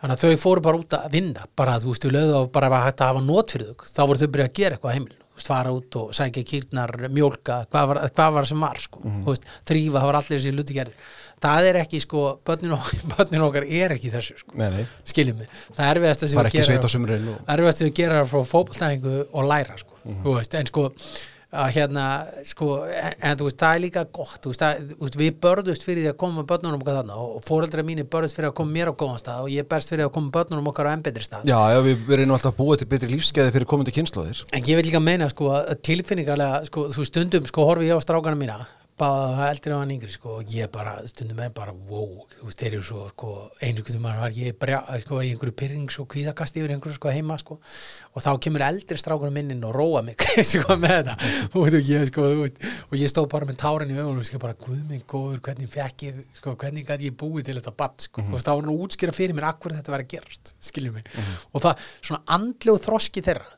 sko ef ég verið með hann andlega þroska sem þeir eru með, veist, ég hefði bara gefið heilmikið fyrir hann sko, mm -hmm. veist, það er bara þessi mál er bara ótrúlegur og þetta er svona allt öðru sér karakter þetta er sko sko náunga kærleikin þeir eru náttúrulega aldrei upp í hjallastemni sem er engar ekki í skóli og mm -hmm. besta uppbættistofnun bara sem ég voru var við í skólakerfi sko og ég var, sko, það hjálpaði mig mikið þeir þekki ekki hvað eitur kallmennskar sko, þú veist, þeir bara, þegar þeir eru hlusta á þetta eitur og kallmennsku dæmi, þá er þetta bara hvað ruggl er þetta, sko, mm -hmm. og því að þú veist þeir, þeir voru að bera ábyrður hendunar á sko, skólafélagur sín, þeir voru tvekja, þryggja, fjóra og naglaðu lakaðu sér líka sko, þeir finnst allt bara fyndið og skemmtilegt og voru bara gaman að lífinu, sko, og þú fannst það bara eðlilegt. Og þetta var bara svo leis og síðan, hérna, og síðan bara hvernig þeir koma fram með náungan og hvernig þeir skilja náungan og hvernig þeir skilja tilfinningar, sko, svona minn, sko hann getur bara sagt öllum ég er með kvíða. Þess vegna er ég ekki til í þetta. Uh -huh. Vist, ég fór á fókbóltamótan einu sinni og það var eitt sem lappaði alltaf upp stígan og þá er ekki að fara í liftu og hérna hann tók eftir þessu. Og, stu, einn, og, og, og vinir hans bara tveir þeir löpuðu bara alltaf með hann. Og stu, bara, hann vill ekki fara í liftu og bara löpuðu bara með hann bara ekkit mál, uh -huh. það var engin eitthvað þó er ekki að fara í liftu uh -huh. Veist, okkar kynslu hefur gert það. Okkar kynslu hefur gert það. Mm. en þarna var það bara ekki svolítið þessi kynslu sem er að koma núna það var alltaf lægi að vera rættur mm. það var alltaf lægi að vera kvíðin það var alltaf lægi að vera lítið í sér. Og það notar það enginn gegn því nema að hann sé einhver svona brjálaðskasti og reyður sko. mm. skilja mig, veist, þá voru þú bara að taka því. En þetta er sko, veist, þessi kynslu er bara miklu betri. Hún er tilfinningarlega þroskari og við kallum hana það finnst mér ekki það finnst mér ekki, þú veist, ég er náttúrulega alveg fyrir fókból það sem menn tækluðu menn, sko. já, já. en þú veist, það er ástæði fyrir að menn eru búin að koma í veg fyrir það í fókbólta, oft mm. vil ég fá meira fút í fókbólta og menn sé að íta og menn sé með tilfinningar. Mm þá, en þá er einhvern veginn þeim mönnum refsað fyrir það, veist, þetta finnst mér aldrei vera gott, sko, mm og þetta líka missir ástriðinum bóltanum og, áhugin verið meiri, við sjáum að NBA núna þeir eru búin að snúa við blæðinu, þeir eru byrjað að leifa meiri kontakt og meiri læti og slagsmál og það sé að það áhorfum var farið. Mm -hmm. það var að skerðist, en þetta hefur ekki gerað með það sko, þú veist, ég mun ekki kvitt upp á því að þetta fólk sé, það sé með einhverja auðmingiðaðingu mm -hmm. en sko E, e, e, já, það var kannski raung skilgjörnum hjá mér hérna upp að við að tala um þetta sem ummingi við einhver Já þetta er samt sko, veist, við segjum notum þetta orð, mm þannig að þetta var ekki raung skilgjörnum en mm þetta er nota, veist, við heyrum þetta marg oft, mm þessi að kynslu og leiðilega, en þetta er alltaf svona sko. veist, ég náttúrulega skil ekki mjög tónlistin þessara kynslu og hundleðilega sko sér mér veist bara tíund áratöngum verið besti músikar og ég er búin að koma strákonum mínum bara á það sko. ég skilja mig? sko, veist, ég skil ekki músikinu núna. Það var örglega sama með pappa þegar ég var að hlusta á döðarki sko. mm -hmm. þá var hann verið bara þegar hann er vana þá var hann verið bara pff, þetta, er kannski, þetta er allt í lagi kannski þetta er ekki Led Zeppelin. Skilja mig? Veist, þetta er hérna ég held að sé alltaf eitthvað svona en ég ég kvitt ekki upp á þetta auðmingju mm. og þessi sko hver, hver er þá auðmingin í fyrirsötinni? þú, þú þarfst sko, ekki að vera svo mikið auðmingi er sko þetta aðrið sko, þú þarfst ekki að vera svo mikið auðmingi sko er, er náttúrulega snýst um það sko tittinum á bókinni það er snýst að mörguleiti út af þessu sjálfsvorkunum mm. þú veist að við séum að vorkina sjálf okkur staðan fyrir að taka ábyrra lifin okkar þetta snýst um að vera heðalegur og óheðalegur þetta snýst að þú veist það eru kaplararnum þegar þér er dömpað mm. og þegar þú dömpar einhver og því það má ofta ekki ræða þá hluti heldur sko. þú veist hvernig, þú veist að hvernig þú getur ekki látið ákvarðanir annars pyrra þig. Mm -hmm. sko, hvernig, vera, veist, hvernig hérna hvernig þú veist við útskjöru það það er, sko, það er auðveldar að vera reyður sko heldur en það er, sko ég notaði hérna í Star Wars, þú ert af Star Wars kynnslóðinni, að þegar sko Luke og Jóta voru að tala saman og, og, og Luke segir við Jóta og hann reyna að skilja svartöða sko, bara þú veist, hvernig er dætt svartöðil í huga hérna, verða vondur, hvernig verða menn vondir bara why did you go to the dark side var spurningin mm -hmm. og eina svar sem Jóta gaf honum it's easier, mm -hmm. þú veist það er auðvöldar að verða bondur sko heldur en góður og það er það, þú veist þegar þú lendir í einhverjum aðstæðum sem þú veit ekki hrifin af þá er auðvöldar að verða reyður heldur en að verða auðmyggur mm -hmm. þú veist það er, það er meiri átök en þú vinnur síðan á þig. Og þegar ég kann nota orðið auðmikið þá er það þegar við erum að breðast við reyði þegar við ákveðum að berja ykkur þegar við ákveðum að stelpa sem dömpa okkur að við ákveðum að kalla hana bara druslu og hóru sko. að það eru viðbröðu sem fyrir mig. Það er að vera auðmiki að geta tekið sko hlutinni sko með auðmíkt og kert á hlutina tekið ábyrð á sjálfum sér og verið heiðalur í öllu sem hann gerir. Það er að taka hérna, það er að vera ekki auðmiki að því að þú lendir í sambarilegum aðstæðum alltaf setna á lífsliðinni meðan þú, einmitt þú kannski hérna, einhver kærast að dömpaði þegar þú ert ungur en svo þú eru eldri, svo lendur þú bara á leiðilegum yfirmanni eða erfileikum í hjónabandi eða eitthvað skilur þú þarf alltaf að takast á við hluti. Þú þarft alltaf að takast á við hluti og þetta snýst í rauninu hvernig við ætlum að takast á við hlutina. Þetta bóki snýst í rauninu það, hvernig við ætlum að komast hjá því að vera ekki svona mikið lemmingar og þetta er sko, sko bara, þú veist, ég heyri svo fleikt á afendi sem að segja það þá bara nota einhverju þessu setningu sko, þegar hann fór að vinna í sjálfum sig sko, þá var sagt við hann sko, þú þarft ekki að vera svo mikið lemmingi við þurfum, já, við þurfum alltaf að takast á við, eh, við þurfum alltaf að takast á við hluti í lífinu og það er bara sko eðlilegt og þetta snýst í rauninu alltaf um það hvernig við ætlum að takast á við hlutina, hvernig við ætlum ekki að vera auðmikið þegar ég heyrði þetta sko flekt þegar ég fyrir ferðalega að vinna í sjálfum mér mm. skiljum mig, að, að, að- verða ekki auðmikið þá þýðir að ég tek ykkur ábyrð á sjálfum mér. Ég set mér einhver markmið. Þetta er svo, ég eh, sko þegar ég er að markþjálfa knaspinu menn og, og, og bara almennt einhvern í lífinu. Þá legg ég alveg gríðarlega mikla áherslu og það var svo gaman að koma einn í heimsókn til mín sko um daginn og hann sagði sko og hann, og því að hann þurfti að hætta að spila fótbolta og því að hann meittist svo illa og þurfti því miður að hætta allt og snemma aldrei og hann, hann var hann að gera grínaði sko að ég hef lagt meiri áherslu á að hann kláraði stúd ég hef lagt sömu áherslu að hann kláraði stúdsprófa mammans. Og þá var þetta því að, að, að akkurat út af þessu, hann meiðist bara svona gott af að þú veist, við eigum að leggja áherslu á alltaf við börnin okkur, hvað sem er sko, að þeir fari einhver leiti tvær leiðir í lífinu.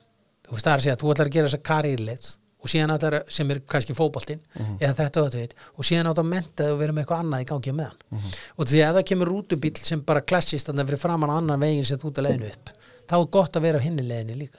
Og þetta er balans getur haldið það að þegar í staðan fyrir og kall með gera þetta oft sko að ef það gengur ekki eitthvað upp þeir eru ekki góðir í starffræði, ekki góðir í hinu eða þessu þá bara henda þær í ruslið strax. Bara ég nenni þá ekki að gera þetta. Og bara gefast upp á því. Í staðan fyrir að við af hverju gera með það? það er sjálfstörstandri í staðan fyrir að díla við það og sko að halda ekki að það sé alltaf lægi að vera meðal í sömu atriðum þá einhvern veginn sko er sjálfstörstandri og þá er betra bara að vera típan sem gefur skítið. Þú veist, og hérna að það er sko þessi neitt kaplið þessi fjallar og það bara að það er alltaf lægi að fá sjö á prófi sko. Þú veist það er bara að kjafta að fá meira það sko. Það gefur eiga tímanu þeirri með það. Og hérna og það er svona þú veist sko mér er sko þú veist ég, ég held að stúdsprófum mitt sé 5,7 í meðlengur sko. En þú veist ég var 36 ára því ég kláraði ég kláraði bara fyrir sjálfa mig skiljum með þig ég þurfti ekkit á því að halda þannig sé sko.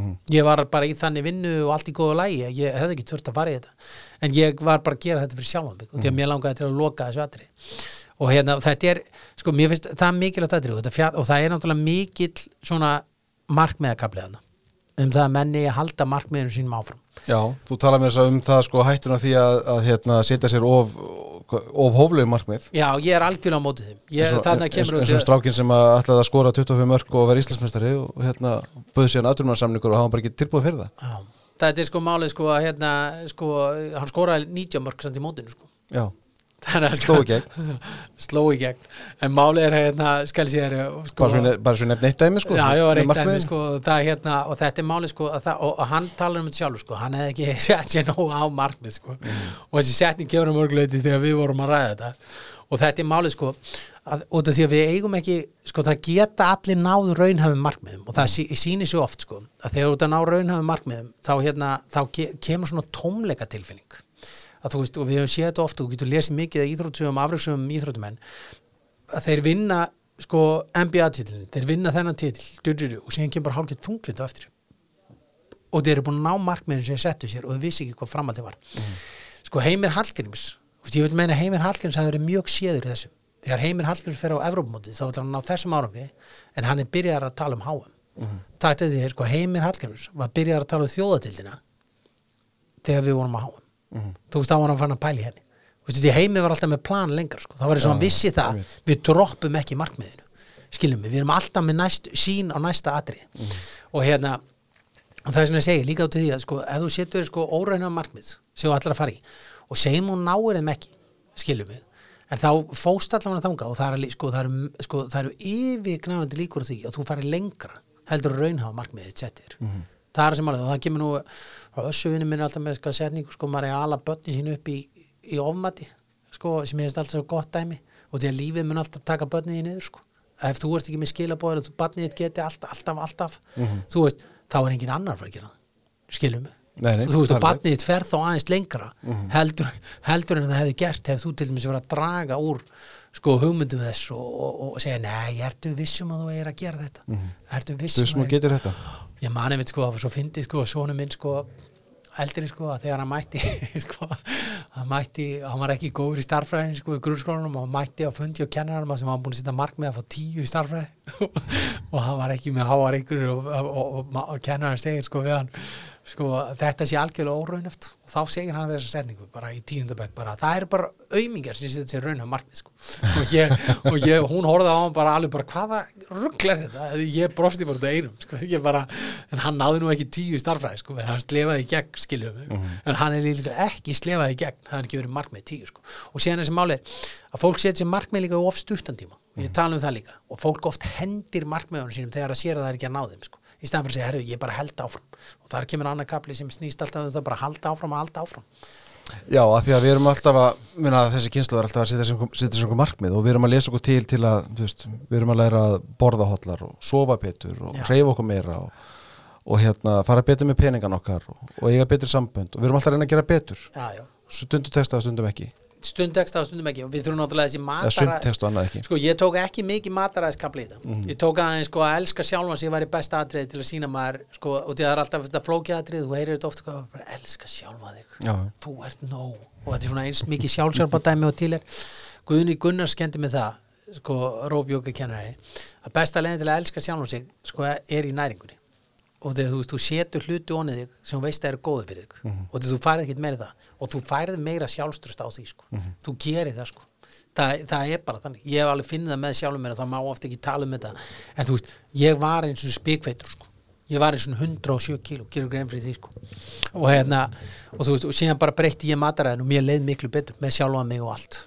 Og hversu mikið lagður á þig til að grænast Herri, það var bara mjög fyndi, ég bara sagði við sko, ég breytti svo við mat- markmið og ég, ég síðan sagði ég Ívar Guðmunds því ég fæ allt svona, sko, og ég er svolítið svona markmiða drifin, sko, og vill alltaf keira á okkur og er alltaf í keppni, sko, og ég segi við Ívar Guðmunds, sko, hvað getur maður mist mest af kílóum Ívar á sex mánuðum?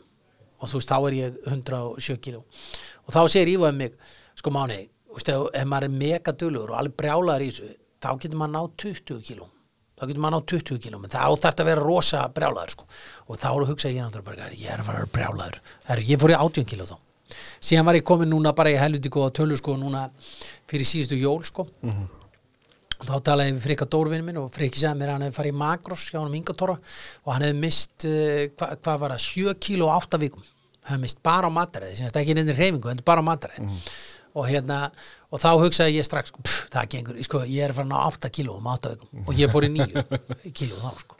Þannig að sko, þú veist að það er alltaf svona, þú veist, bara það er svona keppniskapi sem kemur mér í þessa hluti sko, en síðan byrja maður að borða hotlar og man, ég finn það alltaf bara, mér líður miklu betur með að borða hotlar sko.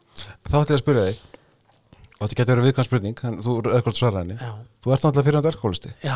það er Ertu- ekkit er- viðkvæm ertu- það kemur allstað frá Nei, en spurningin er sko, ertu öfgasækin þú veist, í, að, að leitum til þú veist, meina, maður þekkir, ég þekkir svolítið heim fíkla og hérna og menn setja sér, veist, menn, menn fara út í öfgar, til dæmis í Já. síðan verða menn já, taka þá einhverja aðra öfgar við, það er alveg það sem ég er að spyrja já ég, bara gott að þú segir þetta. Sko, ég hef oft sagt þetta sko, þú veist, við vinindi sem er búin að lengi í þessu öfgar getur það verið til þess að er- grænast mér hrætt eða eitthvað. Já, annað, já, sko. það, það er alltaf henni, við finnum einhverju öfgar og förum í eitthvað. Og, og, og ég hef alltaf sagt sko, sko, e, það er gott fyrir fíkilin átt að sjá því að hann mun aldrei vera neitt annað fíkil og það sem hann mun gera er alltaf að substitúta fíkil það er það sem hann mun alltaf gera, þú mun alltaf substitúta fíkil það er oft ég heiti, sko alkoholist þú er að kvart yfir þeir séu að reykja mikið að taka mundtópak eða lalala. Og ég held að er, byrju, ég, ég er með fótboltamenn sem ræða þetta sko, bara eitthvað, ég hef verið að hætti í mundtópakinu og ég held að nei sko þú verður að hafa eitt skratta. Þú veist það er bara þannig. Þú ert fíkil, spurningin er bara hvaða skratta þú ætlar að taka. Ég fór í matafík sko, þegar ég verð 107 kíló. Þá bara fylli ég minn á mat. Og menn taka alls konar fíknir upp. Og það eru misgálegar og misgóða fyrir þá. Mm. það geta verið það slæmar fyrir þá andlega þú veist það sé bara, það geta verið það líka þó þessi ekki neita neina lifja sko. en það hérna en það, þú munt alltaf þú ert bara alltaf að fara að substituta fíkn þú þarf bara að finna út hvaða fíkn þú ert að fara að substituta Mm. og, og hvar er, herrið býtu ég er búin að komast að því að sko að mundtópaki hérna, nikotínis sem er. Nikotinbúðanir nikotipúðinni, þeir eru skástir fyrir mig skiljum mig, síðan er ekki alltaf mikið koffín skiljum mig, ég keiri mig upp á koffínu, það hefur kannski eitthvað að gera með ADHD líka, sko. ég mani einhvern veginn var ég að reykja og þá sagði uh, sálfræðingur uh, vinkonum mér, mér, mér, sko, að hérna þú ert með ADHD, þá var ekki búið að greina mig sko. Þess vegna ertu alltaf að reykja á þessum moment Þú veist, og þetta var þannig að ég tók upp síman og fór að reykja þú veist, ég hluti, ég set núna búð upp með ég er að reykja, nei ég er að tala í síman mm. þetta er að halda fókusnum einhvern veginn, það hefur eitthvað að gera með en síðan er líka bara út að gera substitute á fíkn og ég geri mig fyllilega grein fyrir því. Og þú veist, og ég hef sé En marga það er ekki bara áminningur um það að við erum öll bara mannleg og hérna, Jú, höfum veist, að það verða allir að hafa eitt skratta og menn verða að passa sig að brjóta sig ekki niður. Og því við erum alltaf að brjóta okkur niður fyrir allt. Mannfólki bara elskar að brjóta sig niður sko. það, veist, það, það er öllum drullu saman þig sko. En þú veist, nema þér. Og þú ert til dæmis að brjóta alltaf mest niður sko. það er eini sem hefur áhrif á þig sko. hvað eitthvað fólk segir út í bæ sem verður móðgæfur einhverju segir eða, eða segir eitthvað við þig sem er móðgæti eða segir þú ert ekki nógu góður í fótbolta, þú ert ekki nógu góður í þessu. Það skiptir engum máli. Ef þú trúir í sjálfur, þá ert ekki nógu góður.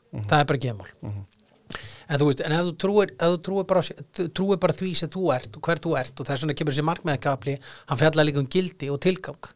Og þú veist, að hérna út af því að þú veist hver þú ert og veist af hverju þú ert að þessu þá er miklu minni líkur að markmiðin fara til fjandars og ef markmiðin fara til fjandars að einhverju leiti, þá ertu samt búin að skilja eftir einhver alltaf leið. Ég ætlaði til dæmis að vera atvinnumar í fótbolta og frægu poppari. Ég uh, bara er uh, bara spastískur reyfingur, sko, ég er mjög skrýtna reyfingar, sko, og ég labba mjög skringilega með þess að líka, sko.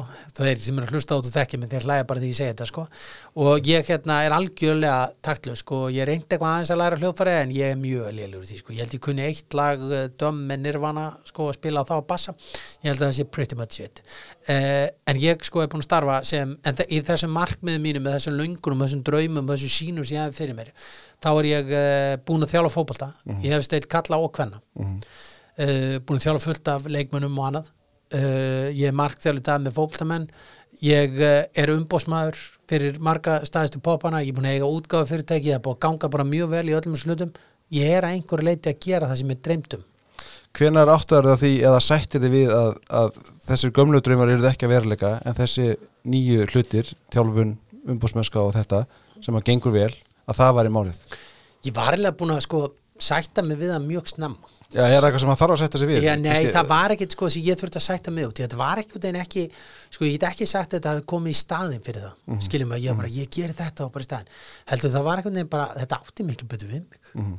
Hvenær fattar það? ég átti að bara, sko, þegar ég byrjaði að þjálfa sko, þegar ég byrjaði að þjálfa hann Páll Guðmusson, fastleginsalli sko, það var ég aðstóð þegar sjötta flokk stjórnunar og þá sér hann mig og hann er hjá haugum ég þekkti mann ekki neitt og þá var ég eitthvað að peppa upp strákan og, og þá segir hann við konuna sína, við þurfum að fá svona þjálfa Og allt í einu bara byrja ég að selja honum auglýsingar í útvarpi.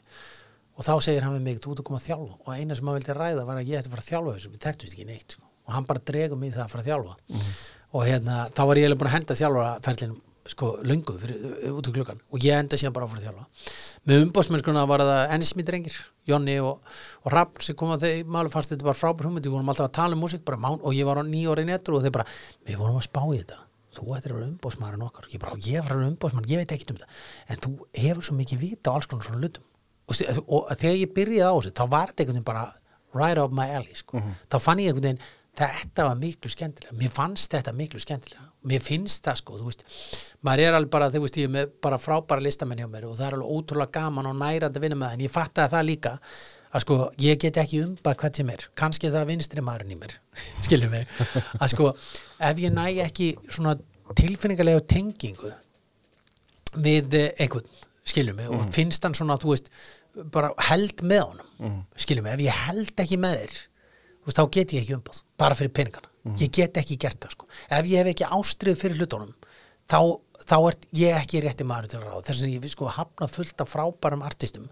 sko að því ég er ekki alveg að ná tengingunni, þú veist, ég er ekki að ná því, sko en þú veist, þú sér það, veist, ég er umba pop og þú veist, tónlistin sem ég er umba í dag er ekki tónlist sem sko, kannski Máni á Exin 977 rockari og, og, og, og rockagíkur ætti að vera umba sko. en það er af því að þetta er bara svo geggjað manneskur skiljum við, þú veist, þetta er svo að þannig að þú veist, þar kemur kannski vinstri maðurinn slæst við kapitalistan sko, að sko, ég verð að hafa ástrið fyrir hlutum Mhm. þú veist, hérna, og það er eiginlega með þannig með allt hjá mér sko. Hvernig tekst á við vonbriði? Sko, það getur verið rosalega erfitt Það er bara alltaf erfitt að takast á við vonbreið sko. Það sem ég á erfiðast að takast á við núna er sko er, eh, sko, er erfitt gengi Leeds United sko. skiljum við, sko. það er kannski erfiðast sem gerist í lífinu Nei, þú veist, það er alltaf erfitt að, hérna, að takast á við vonbreið Þú veist, það, og það er alltaf en, þú veist, ég hugsa alltaf að það kemur alltaf sko gott úr því á endanum mm -hmm. og, og oft þegar eitthvað gengur ekki upp sem mann vill að gangi upp þá hugsa ég líka alltaf, herri, það er betra. Og það er það sem máli er, þú veist, það er betra. Það, á endanum þá höldum við að sé ekki en þá á endanum þá er það alltaf miklu betra. Já, fólk sér það ekki strax Nei, fólk sér að alls ekki þegar að gangi í gegnum sársökan, þetta er bara eins og ástasorgin. Að fólk gengur í gegnum ástasorgin og þeim finnst þetta bara hræðilegt, sko, þessi manneski var bara, bara kom með hana á einhvern stall. Þetta er bara frábærasta manneskja sem til er og la la la. Síðan bara kemur allt í hennu, eða bara gefur þig tíma og jafnar þig og róar þig niður og, og gerir eitthvað fyrir sjálfa þig og byrjar að fara í ræktina og taka þig eitthvað á og vera hamingsamari og fá meira sjálfströst þá kemur allt í hennu einhver allt og þetta er bara alveg eins með allt úrlist þú sérð ekki strax þegar þú verður fyrir vonbröð með eitthvað hluti að það hefur verið gott fyrir því að missa þessu. En það kemur alltaf eitthvað annað í staðin þú veist mennindir sem komist ekki út í atvinnumörsku í fótbolta. Því við erum svo mikið að ræða alltaf innan fótboltæmi.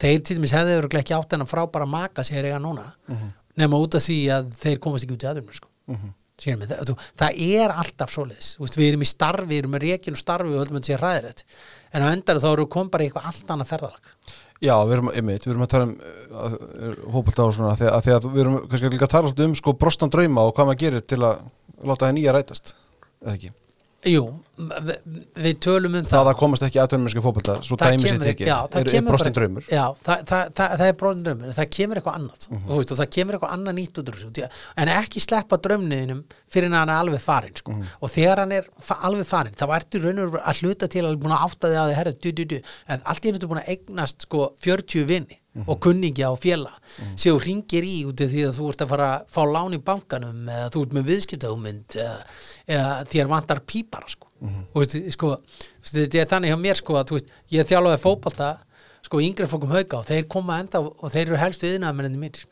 þeir koma tóti og örningi og redda því sem þeir eru að redda sko.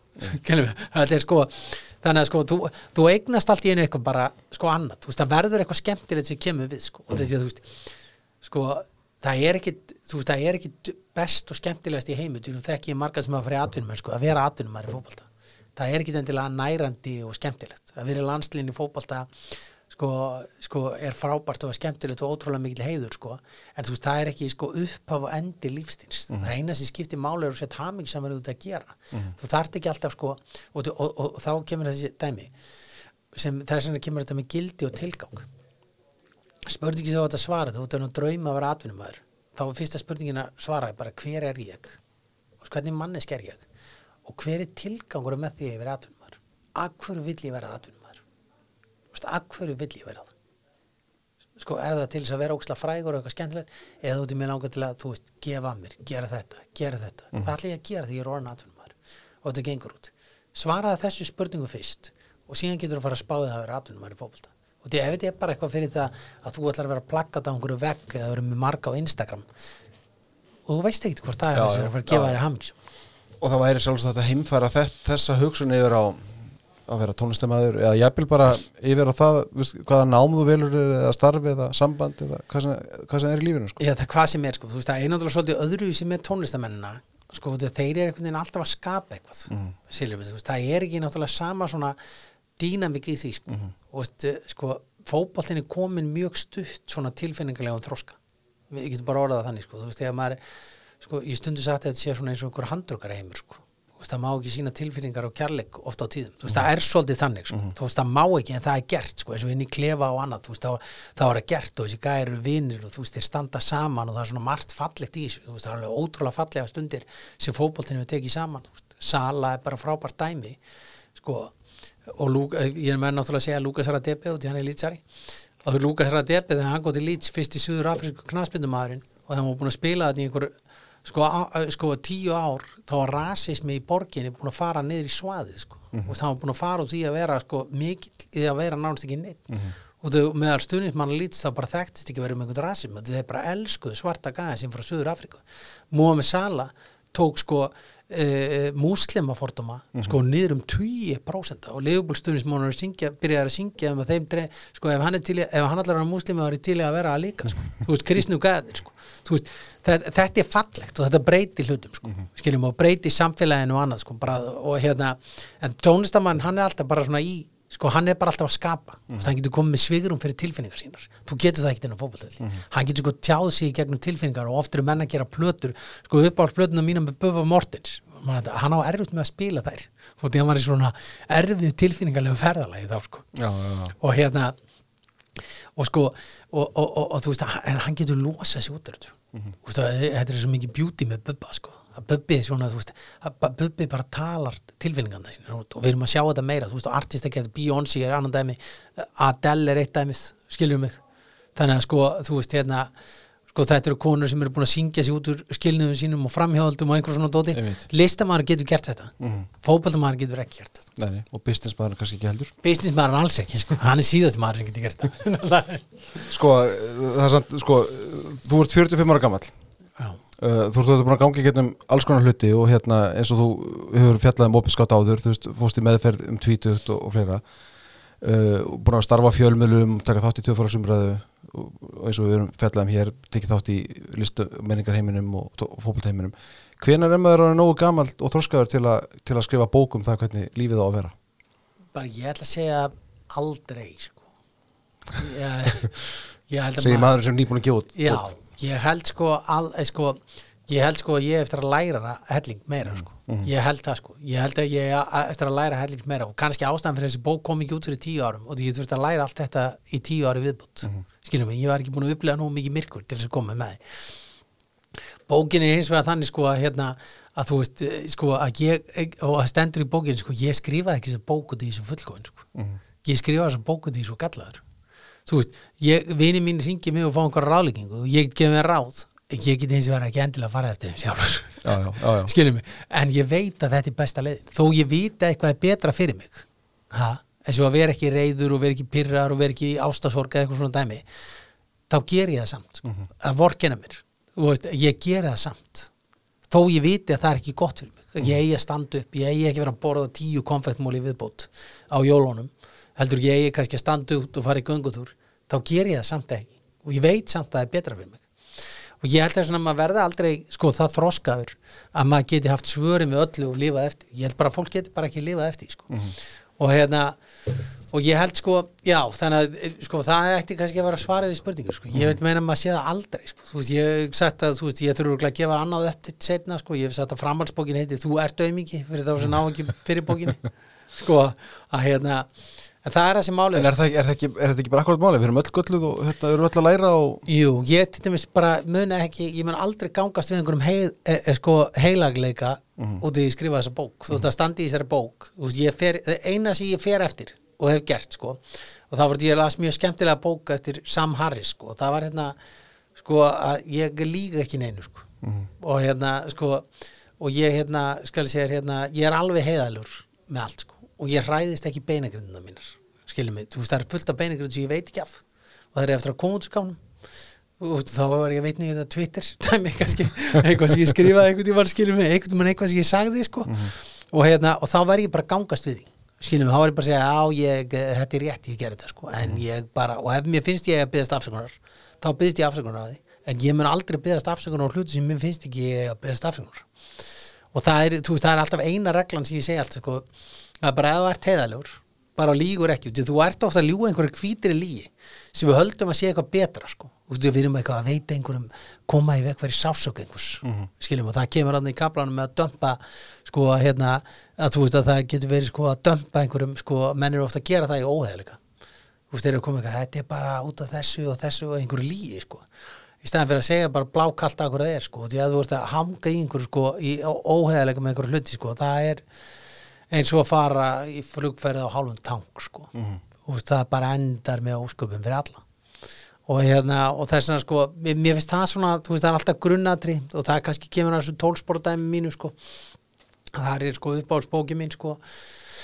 Uppáhaldsbóki mín bara ever aðbókin, að þá er talað um það sko, þú getur verið, sko, þú getur verið geðbilaður. Og þú getur trúa hverju sem er sko, það er svona bara bröðrist sko, en ef þú ert ekki heðalur, þá er mjög erfitt að fara að ná þessu program sko. þú veist, það er bara líkil atrið í þessu öllu sko. Og ég ætla að vona að mér sko beri sko gæfa til þess skulum orða það þannig það verður alltaf vel Er það ekki líkilinn að svolítið saman? jú, það er líkilega þessu öllum en þú veist, ég dættu þetta í sko að ég er ekki, að ég get alveg sagt sko, kannski verð ég einhvern veginn óæðlur skiljum mig, þú veist, ég ætla bara að bjóða það ápsinn út af því að ég er svo mannlegur Já, en er ekki munur að vera óheðarlegur eðlisvari og gera minnstök?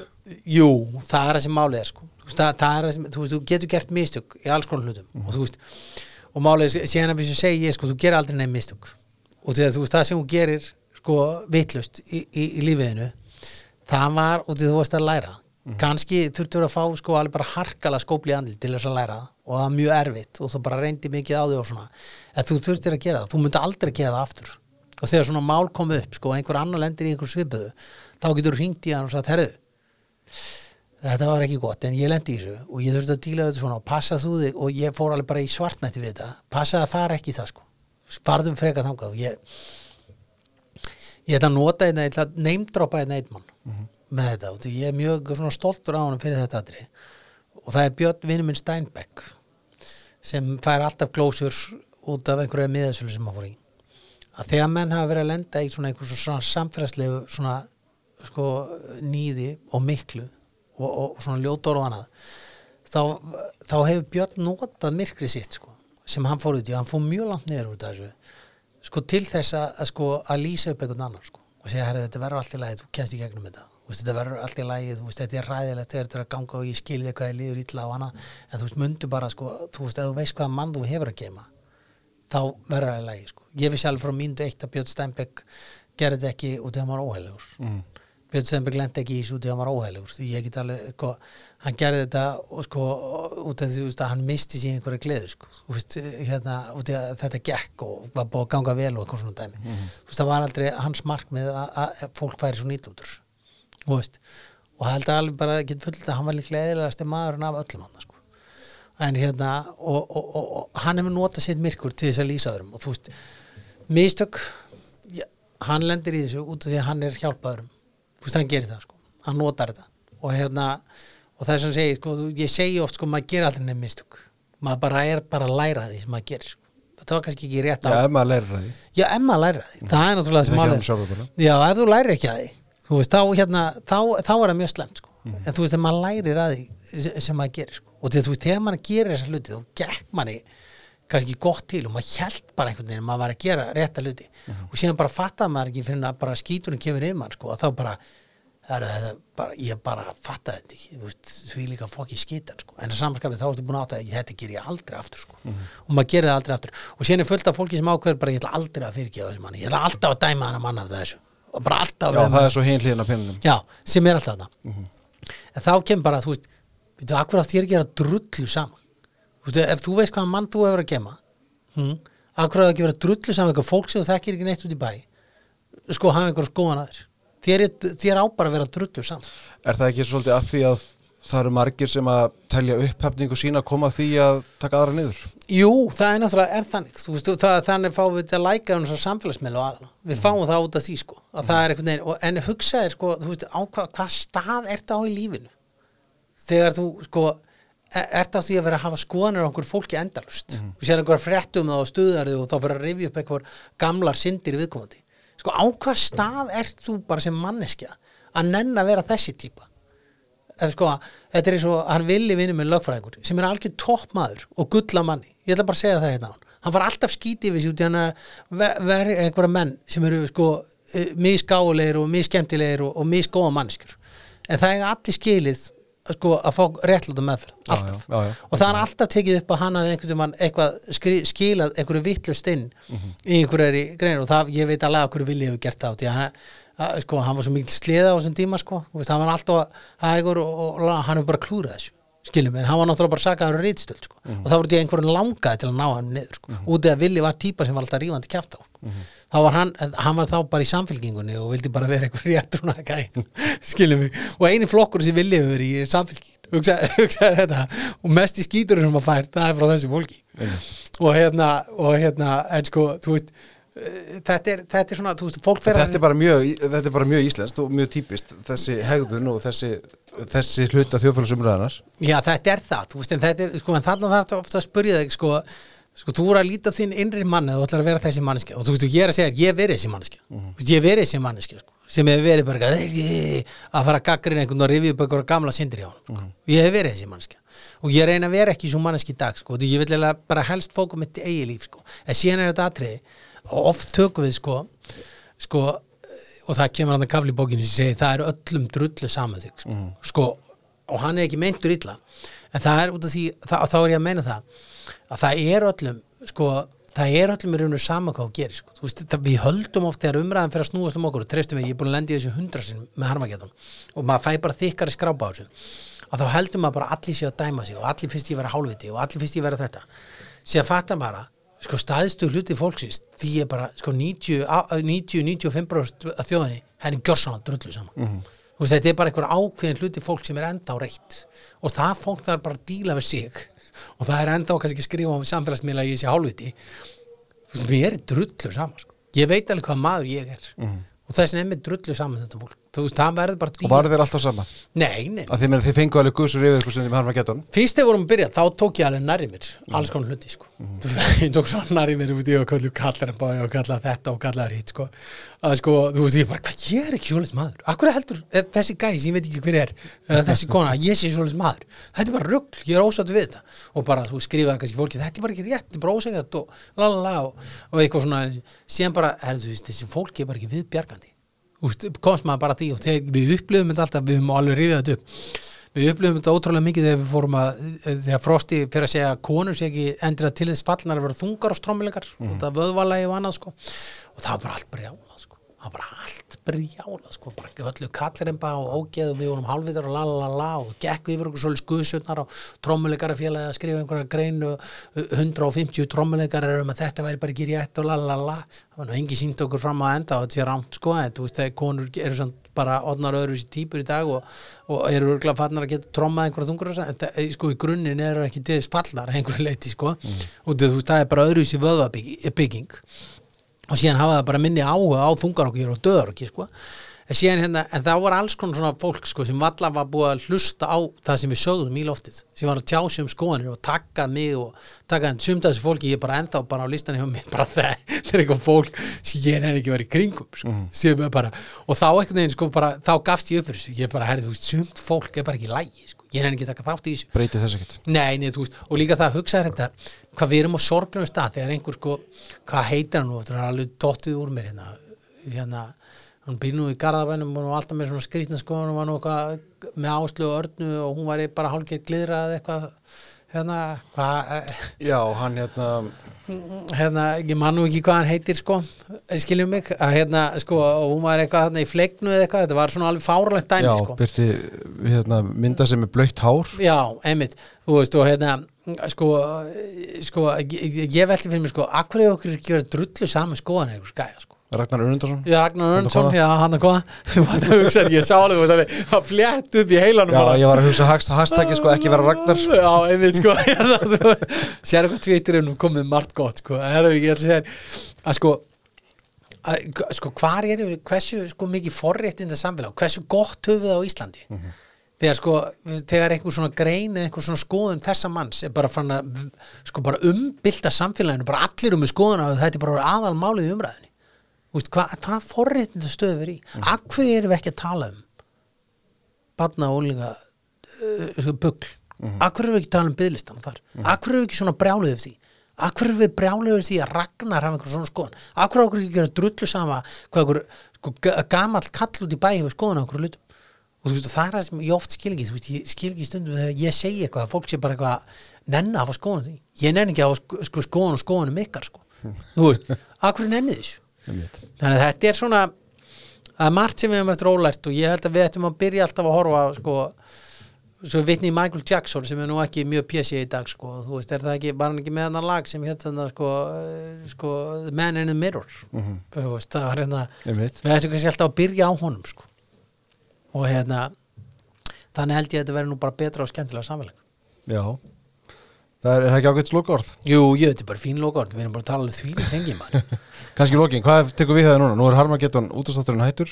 Já, og hérna, hvað ert ert að gera? Ég er að gera- sko, með, ég- með þetta í fyrirtæki sem jú, jú, og- ég er með paksalið mitt og síðan hérna er ég með hérna, síðan er ég náttúrulega bara hérna uh, ég er að gera ykkur hlaðvarpstætti og ég held að Harmageddon sko, ég get alveg sagt að Harmageddon sko endar í hlaðvarpi það bara þrýstingurinn er þvíleikur og það er búið að borga mér laun í fleiri mánuði fyrir að gera ekki nokkuð skapað hlut og, og þó er allir búin að mjög þólum að býðast því að ég segi eitthvað, að ok, gerum þetta bara sko, skilur mig hérna.